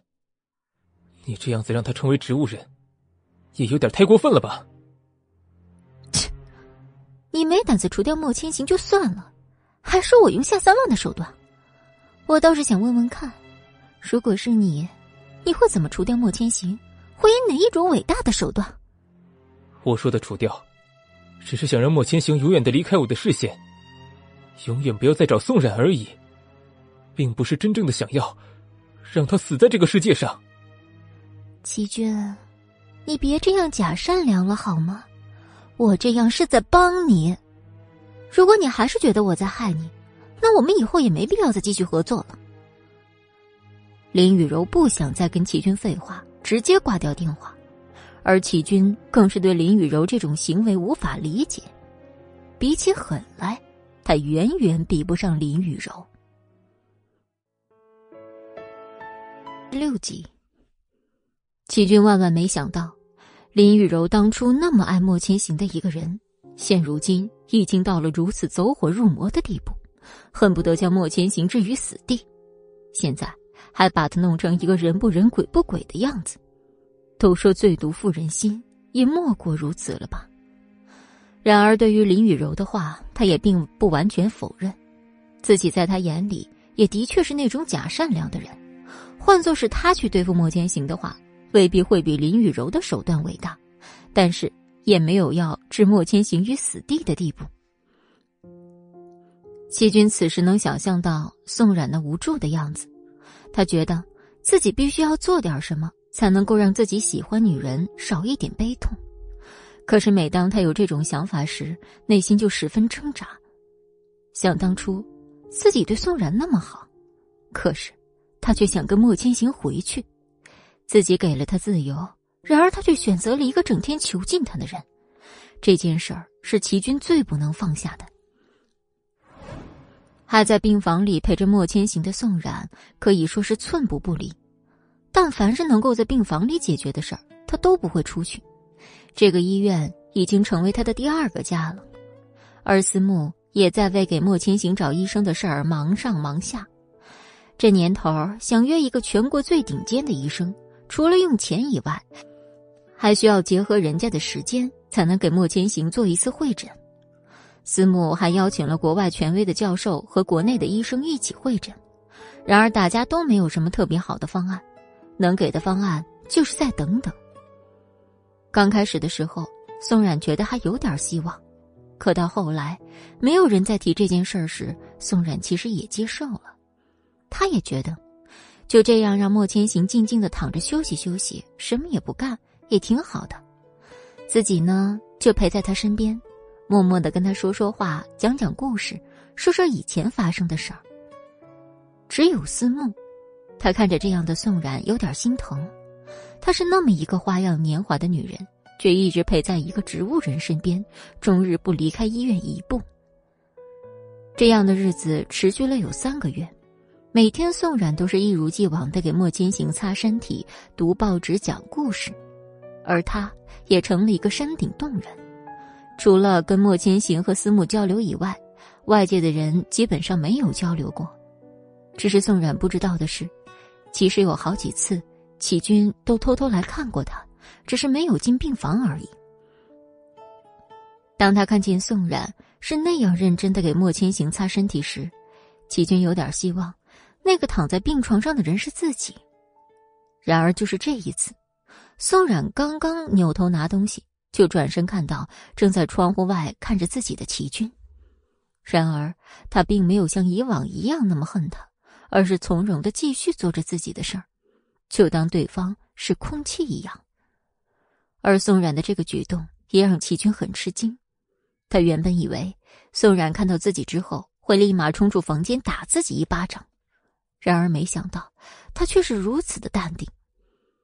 已经憋了三个月没有问候宋冉的齐军，此时终于忍不住了，他默默的打开房门说：“冉冉，我可以进来吗？”你不用进来，请你离开，这里并不欢迎你。我只是想看看你过得怎么样，有什么需要我帮忙的地方，你尽管说。看着齐军如此想要讨好自己，宋冉更是觉得这个人的城府深不可测。我不用你的帮忙，也不需要你的关心，你只要离我远远的就好了。冉冉，这件事情真的不是我做的。请你不要误会我好吗？齐军极力想解释，但是宋冉其实早就知道这件事并不是他所为。他之所以对齐军这么冷淡，是觉得已经没有必要再跟这个人纠缠下去。我没有误会你，我只是觉得我们之间的缘分已经尽了。现在，我只想安安分分的照顾莫千行。至于你我之间，我很感激，但是经过上次的事儿，我觉得我们已经两清了。你救了我一命，但是你也害了我孩子一命，所以，我们也不再再有任何关联了。听到这儿，季军的心像是被针扎了一样，那种疼痛只有自己才能感觉到，别人根本无法察觉他脸上的变化。冉冉，我实在不忍心看到你这样子一个人撑下去。我知道你在 A 市没有什么朋友，我也知道你还在恨我，恨我把你的孩子弄掉了。但是，能跟你说这些真心话的人，也只有我了呀。宋冉根本不想听齐军这一套，在他眼里，所有的花言巧语都只是为了满足齐军的虚荣心罢了。你真的不用在这惺惺作态，我们一点可能都没有了。如果你还想在我心里有一点好印象，那就请你以后再也不要过来了。就这样，齐军活生生的吃了闭门羹。然而回去之后的他更是百思不得其解：为什么自己这样委曲求全，却始终不能得到宋冉的青睐？而就在这时，林雨柔的电话又突然打进。齐军。听说你去看宋冉了，怎么样？有没有什么好消息啊？有事快说，没事快挂。我没有功夫跟你在这里闲聊。看齐军如此暴躁，林雨柔就猜他肯定是在宋冉那吃了闭门羹。哼，在别人那儿受了气，干嘛撒我这儿来啊？还想不想我给你出主意？你到底想做什么？不要浪费我的时间好吗？我当然不会浪费你的时间啊，我只是想跟你做一场交易而已，而且保证你稳赚不赔。李雨荣的自信的样子让齐军觉得他简直就像变了一个人一样。爱情的力量真的太可怕了，能让人脱胎换骨，也能让人瞬间变得六亲不认。这种变化之大，让齐军觉得可怕。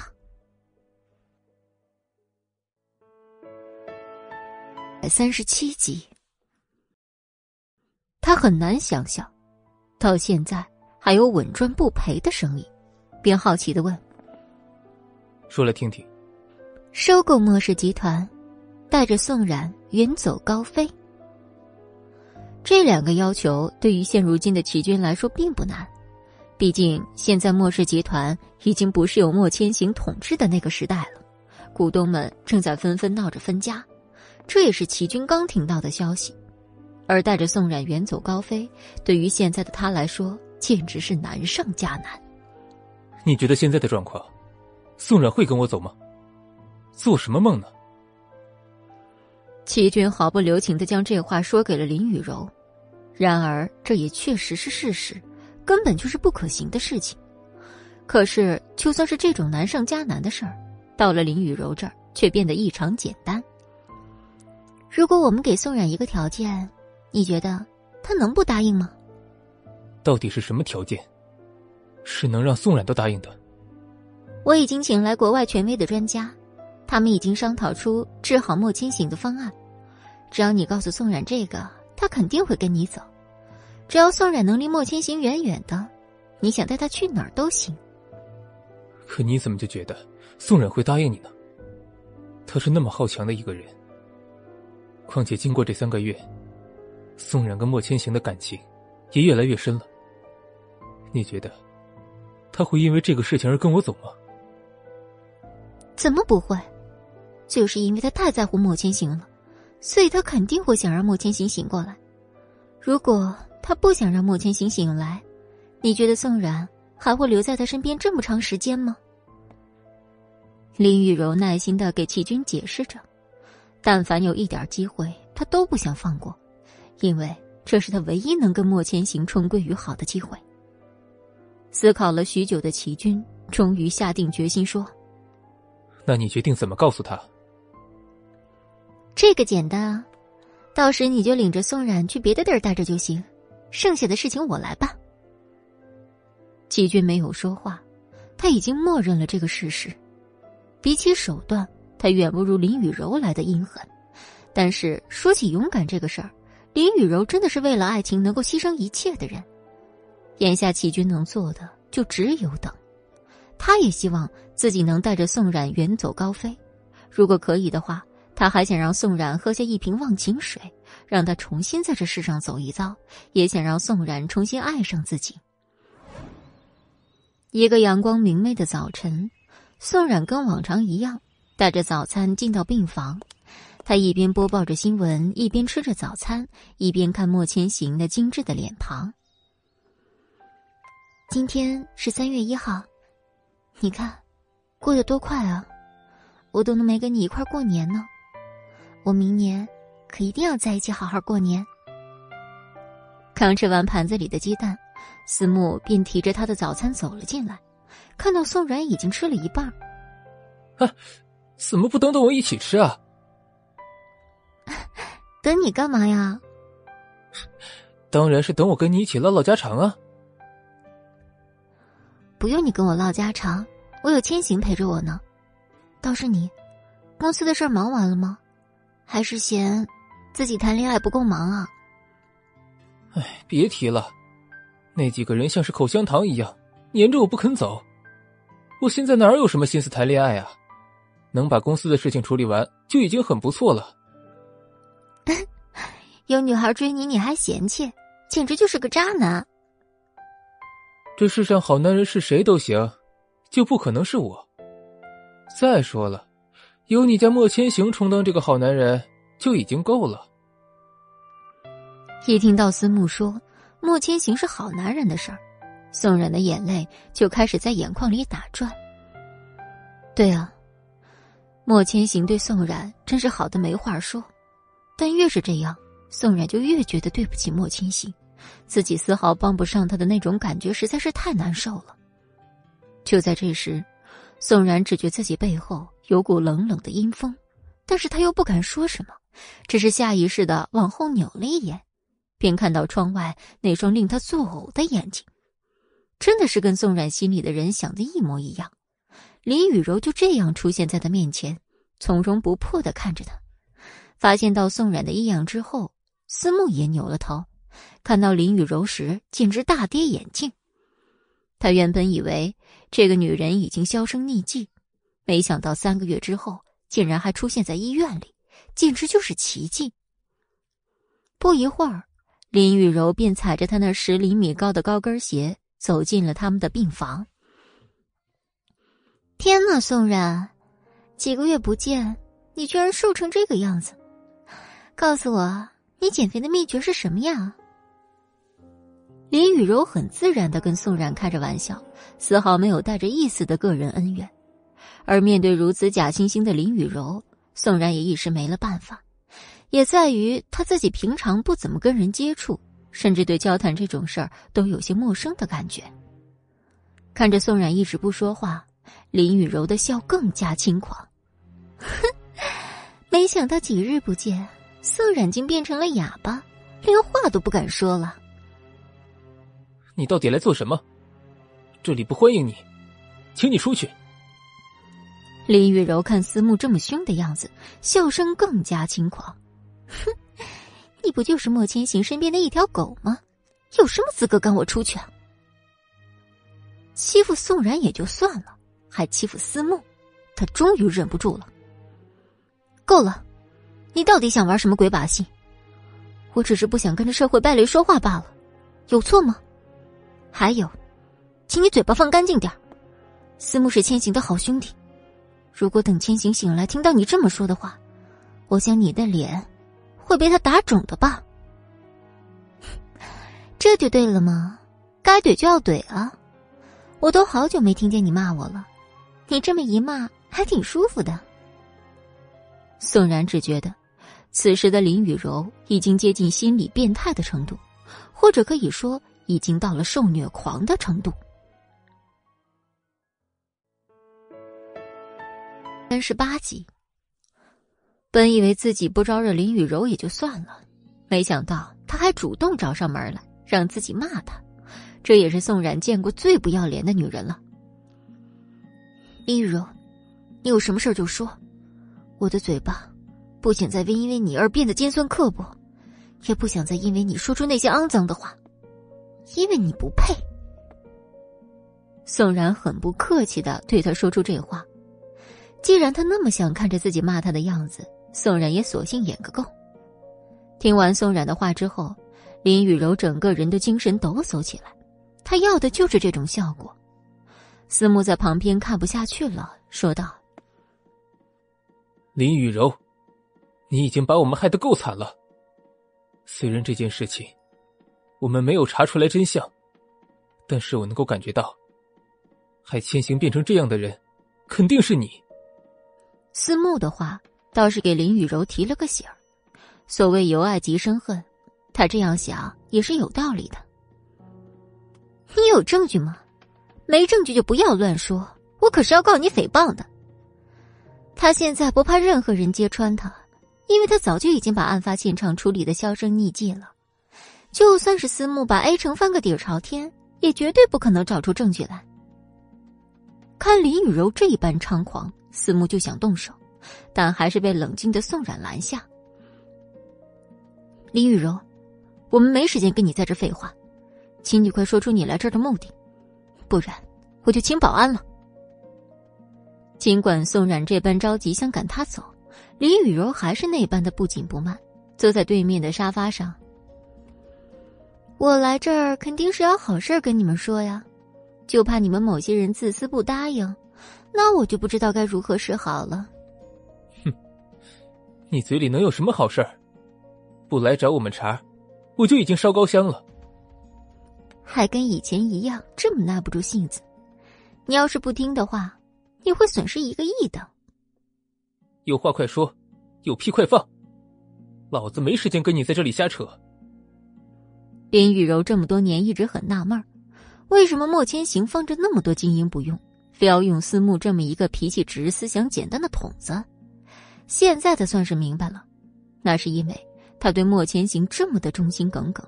所以莫千行才会什么事儿都交给他来办。那我就说了，我已经从国外找来了最权威的医生，给千行做会诊。像他这种昏迷不醒的状态，这些医生们也有自己的方案，很快的就会醒过来的。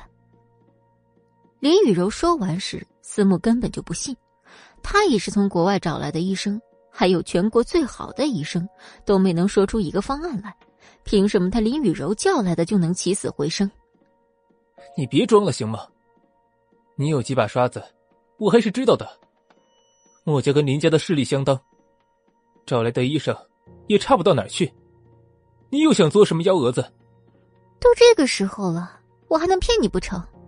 再说了，莫千行怎么说也是我前夫吧，我可舍不得他就这么离开这世上。你有把握吗？你能让千行醒过来吗？比起爱莫千行这件事儿，我不比你差到哪儿去。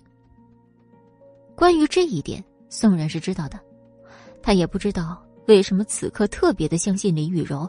觉得他肯定有办法能让莫千行醒过来。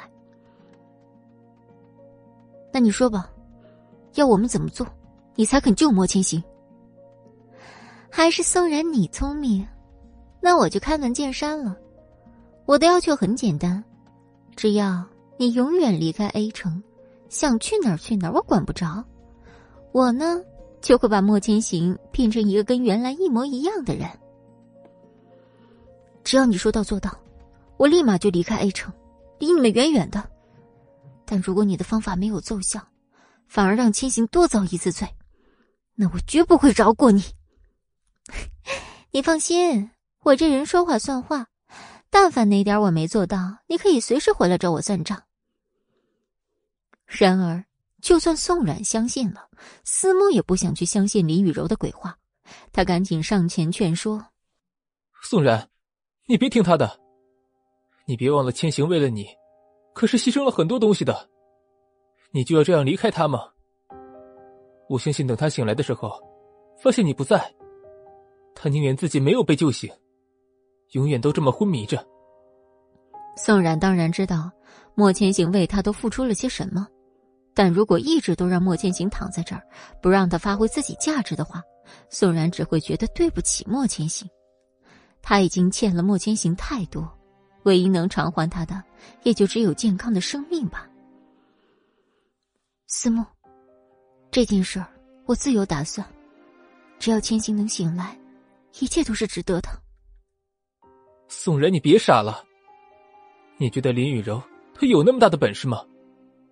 我相信，只要我们耐心治疗，一定可以有办法的。哼，思慕。你太天真了吧！就凭你那点背景，你觉得你能找来谁呀？再说了，现在莫千行醒不过来的事人尽皆知，那么多仇家盯着他，想跟他作对，谁还会肯让你找到最好的医生啊？做梦吧！听完林雨柔的话，宋然也觉得颇有道理。虽说莫千行做事向来公平公正，但是在这商场里，他也得罪了不少人。这个时候正是别人虎视眈眈的时候。思慕，别说了，这件事儿就这么决定了。林雨柔，最快什么时候可以做手术？要是你答应的话，明天就可以。十九集，好，明天一开始手术，我就立马离开你的视线。但是，我会让思慕监督你。如果千行并没醒来，那么我也没必要履行我的承诺。宋冉对着林雨柔说出自己最后的希望。窗外的光正好打在他的脸上，仿佛要将他带往另一个新世界。宋冉知道，今天将会是宋冉留在莫千行身边的最后一天。他看着此时躺在病床上一动不动的莫千行，格外的喜欢，从未像今天那样这样喜欢他的容颜。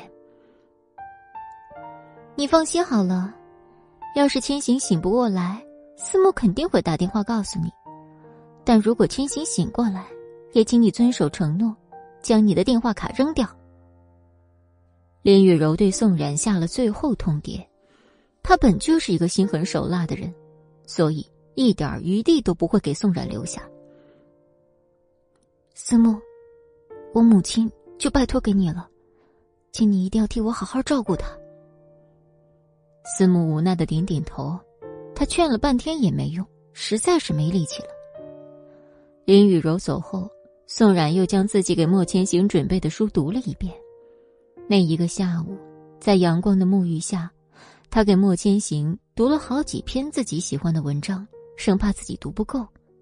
就在自己嗓子已经说话到干哑的情况下，宋冉还是竭尽自己的全力去跟莫千行说话，因为他知道，这是最后一次跟莫千行这么近距离的讲故事了。思慕也是看在眼里，疼在心里，眼看着自己最好的两个朋友，为了爱情几经周折才在一起，到头来还是要分开。他本就是一个不相信爱情的人。因为莫千行对宋冉的执着，才慢慢开始对爱情有了希望。没想到现在，连最后一点奢侈的期望都没有了。这一天夜里，宋冉都没有离开过莫千行一步，一直坐在他面前看着他，就好像是看一个很久不见的亲人一样。而到第二天一早，林雨柔也将莫千行转移到手术准备室，宋冉整个脸都是憔悴的。就连李雨柔都觉得，虽然没有以前那么水灵了，但那双眼睛也早已失去以前那种神色。他不禁提醒宋然：“其实你挺漂亮的，如果我们之间没有莫千行，或许不应该成为敌人。虽做不成朋友，但也能做两个互不相干的人吧。”谢谢你的夸奖，能让你承认我漂亮，真是太难了。你好好收拾收拾自己吧，我都觉得你现在像是一个三十岁的女人。林小姐，你还是别关心我了，毕竟我们两个也没什么好说的。宋冉啊，我劝你一句，好好珍惜眼前人。我看齐军就挺好的，你要是没地儿去，就去找他吧。听完林雨柔的话，宋冉好像觉得有些不对劲儿。林雨柔什么时候跟齐军关系这么好了？虽说他知道自己之前跟齐军要好过，可是说这话的语气很明显是怂恿自己跟齐军在一起的节奏。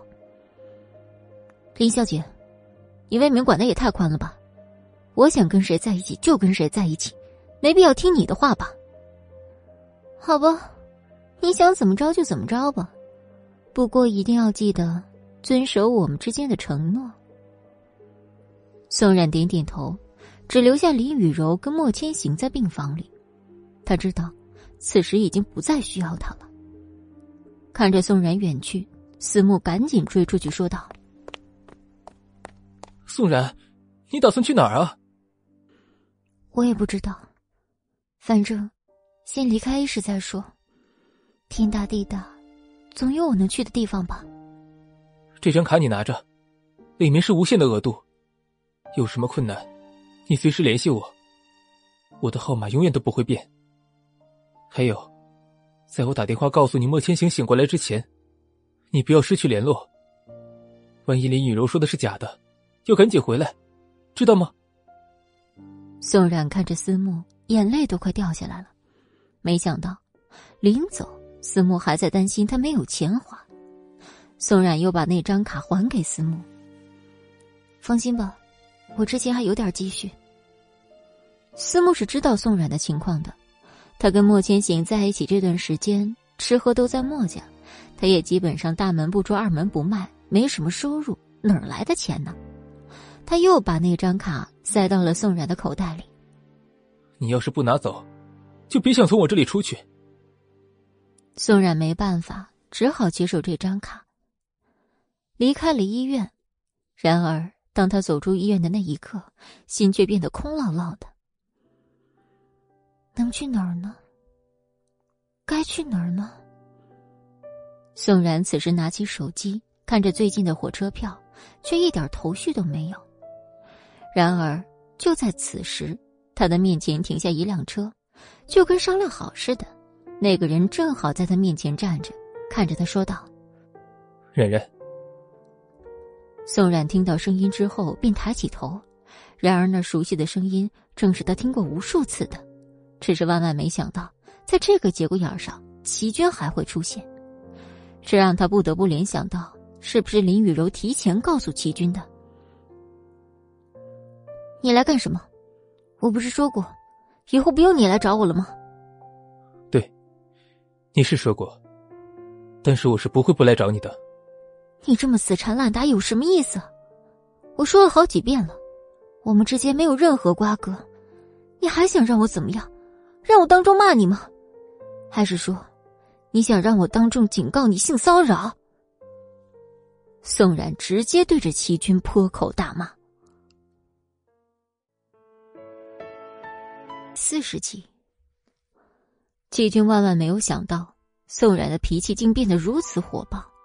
但他还是那样的温柔，看着他就像看一块璞玉一样，生怕自己音量太大会让他产生核磁共振碎掉。冉冉，这个世界上没有人比我更爱你了。我知道，你已经答应了林雨柔的要求，你也不用好奇我是怎么知道的。但是，请你相信，我一定是来帮你的，而不是来害你的。我再落魄，也不想再跟你有任何瓜葛。齐军，你有时间在我这儿磨，真不如找一个真心喜欢你的人。你要知道，你是没有办法去说服一个装睡的人的。我知道你现在还是很恨我，但是有些话，我也必须要跟你说清楚。你非跟着我不可。宋冉看着齐军那张脸，就觉得无比恶心。之前的那些恩情，他已经通通抛在脑后。他现在觉得，齐军跟林雨柔是一样卑鄙的人，只知道拿别人的弱点威胁别人。就比如说，他现在虽然有钱，但确实没有一个容身之处，而齐军更是抓住他这一点。齐军，你知道吗？你现在对我说的每一个字，我都没听进去。我觉得你是在对牛弹琴。你如果还是这般固执的话，那我也不得不对你采取一些手段了。你能有什么手段？不就是拿我母亲说事儿吗？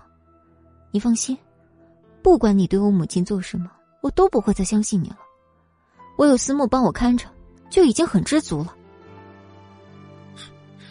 当然不是你的母亲，阿姨，我是不想再去折腾他老人家了。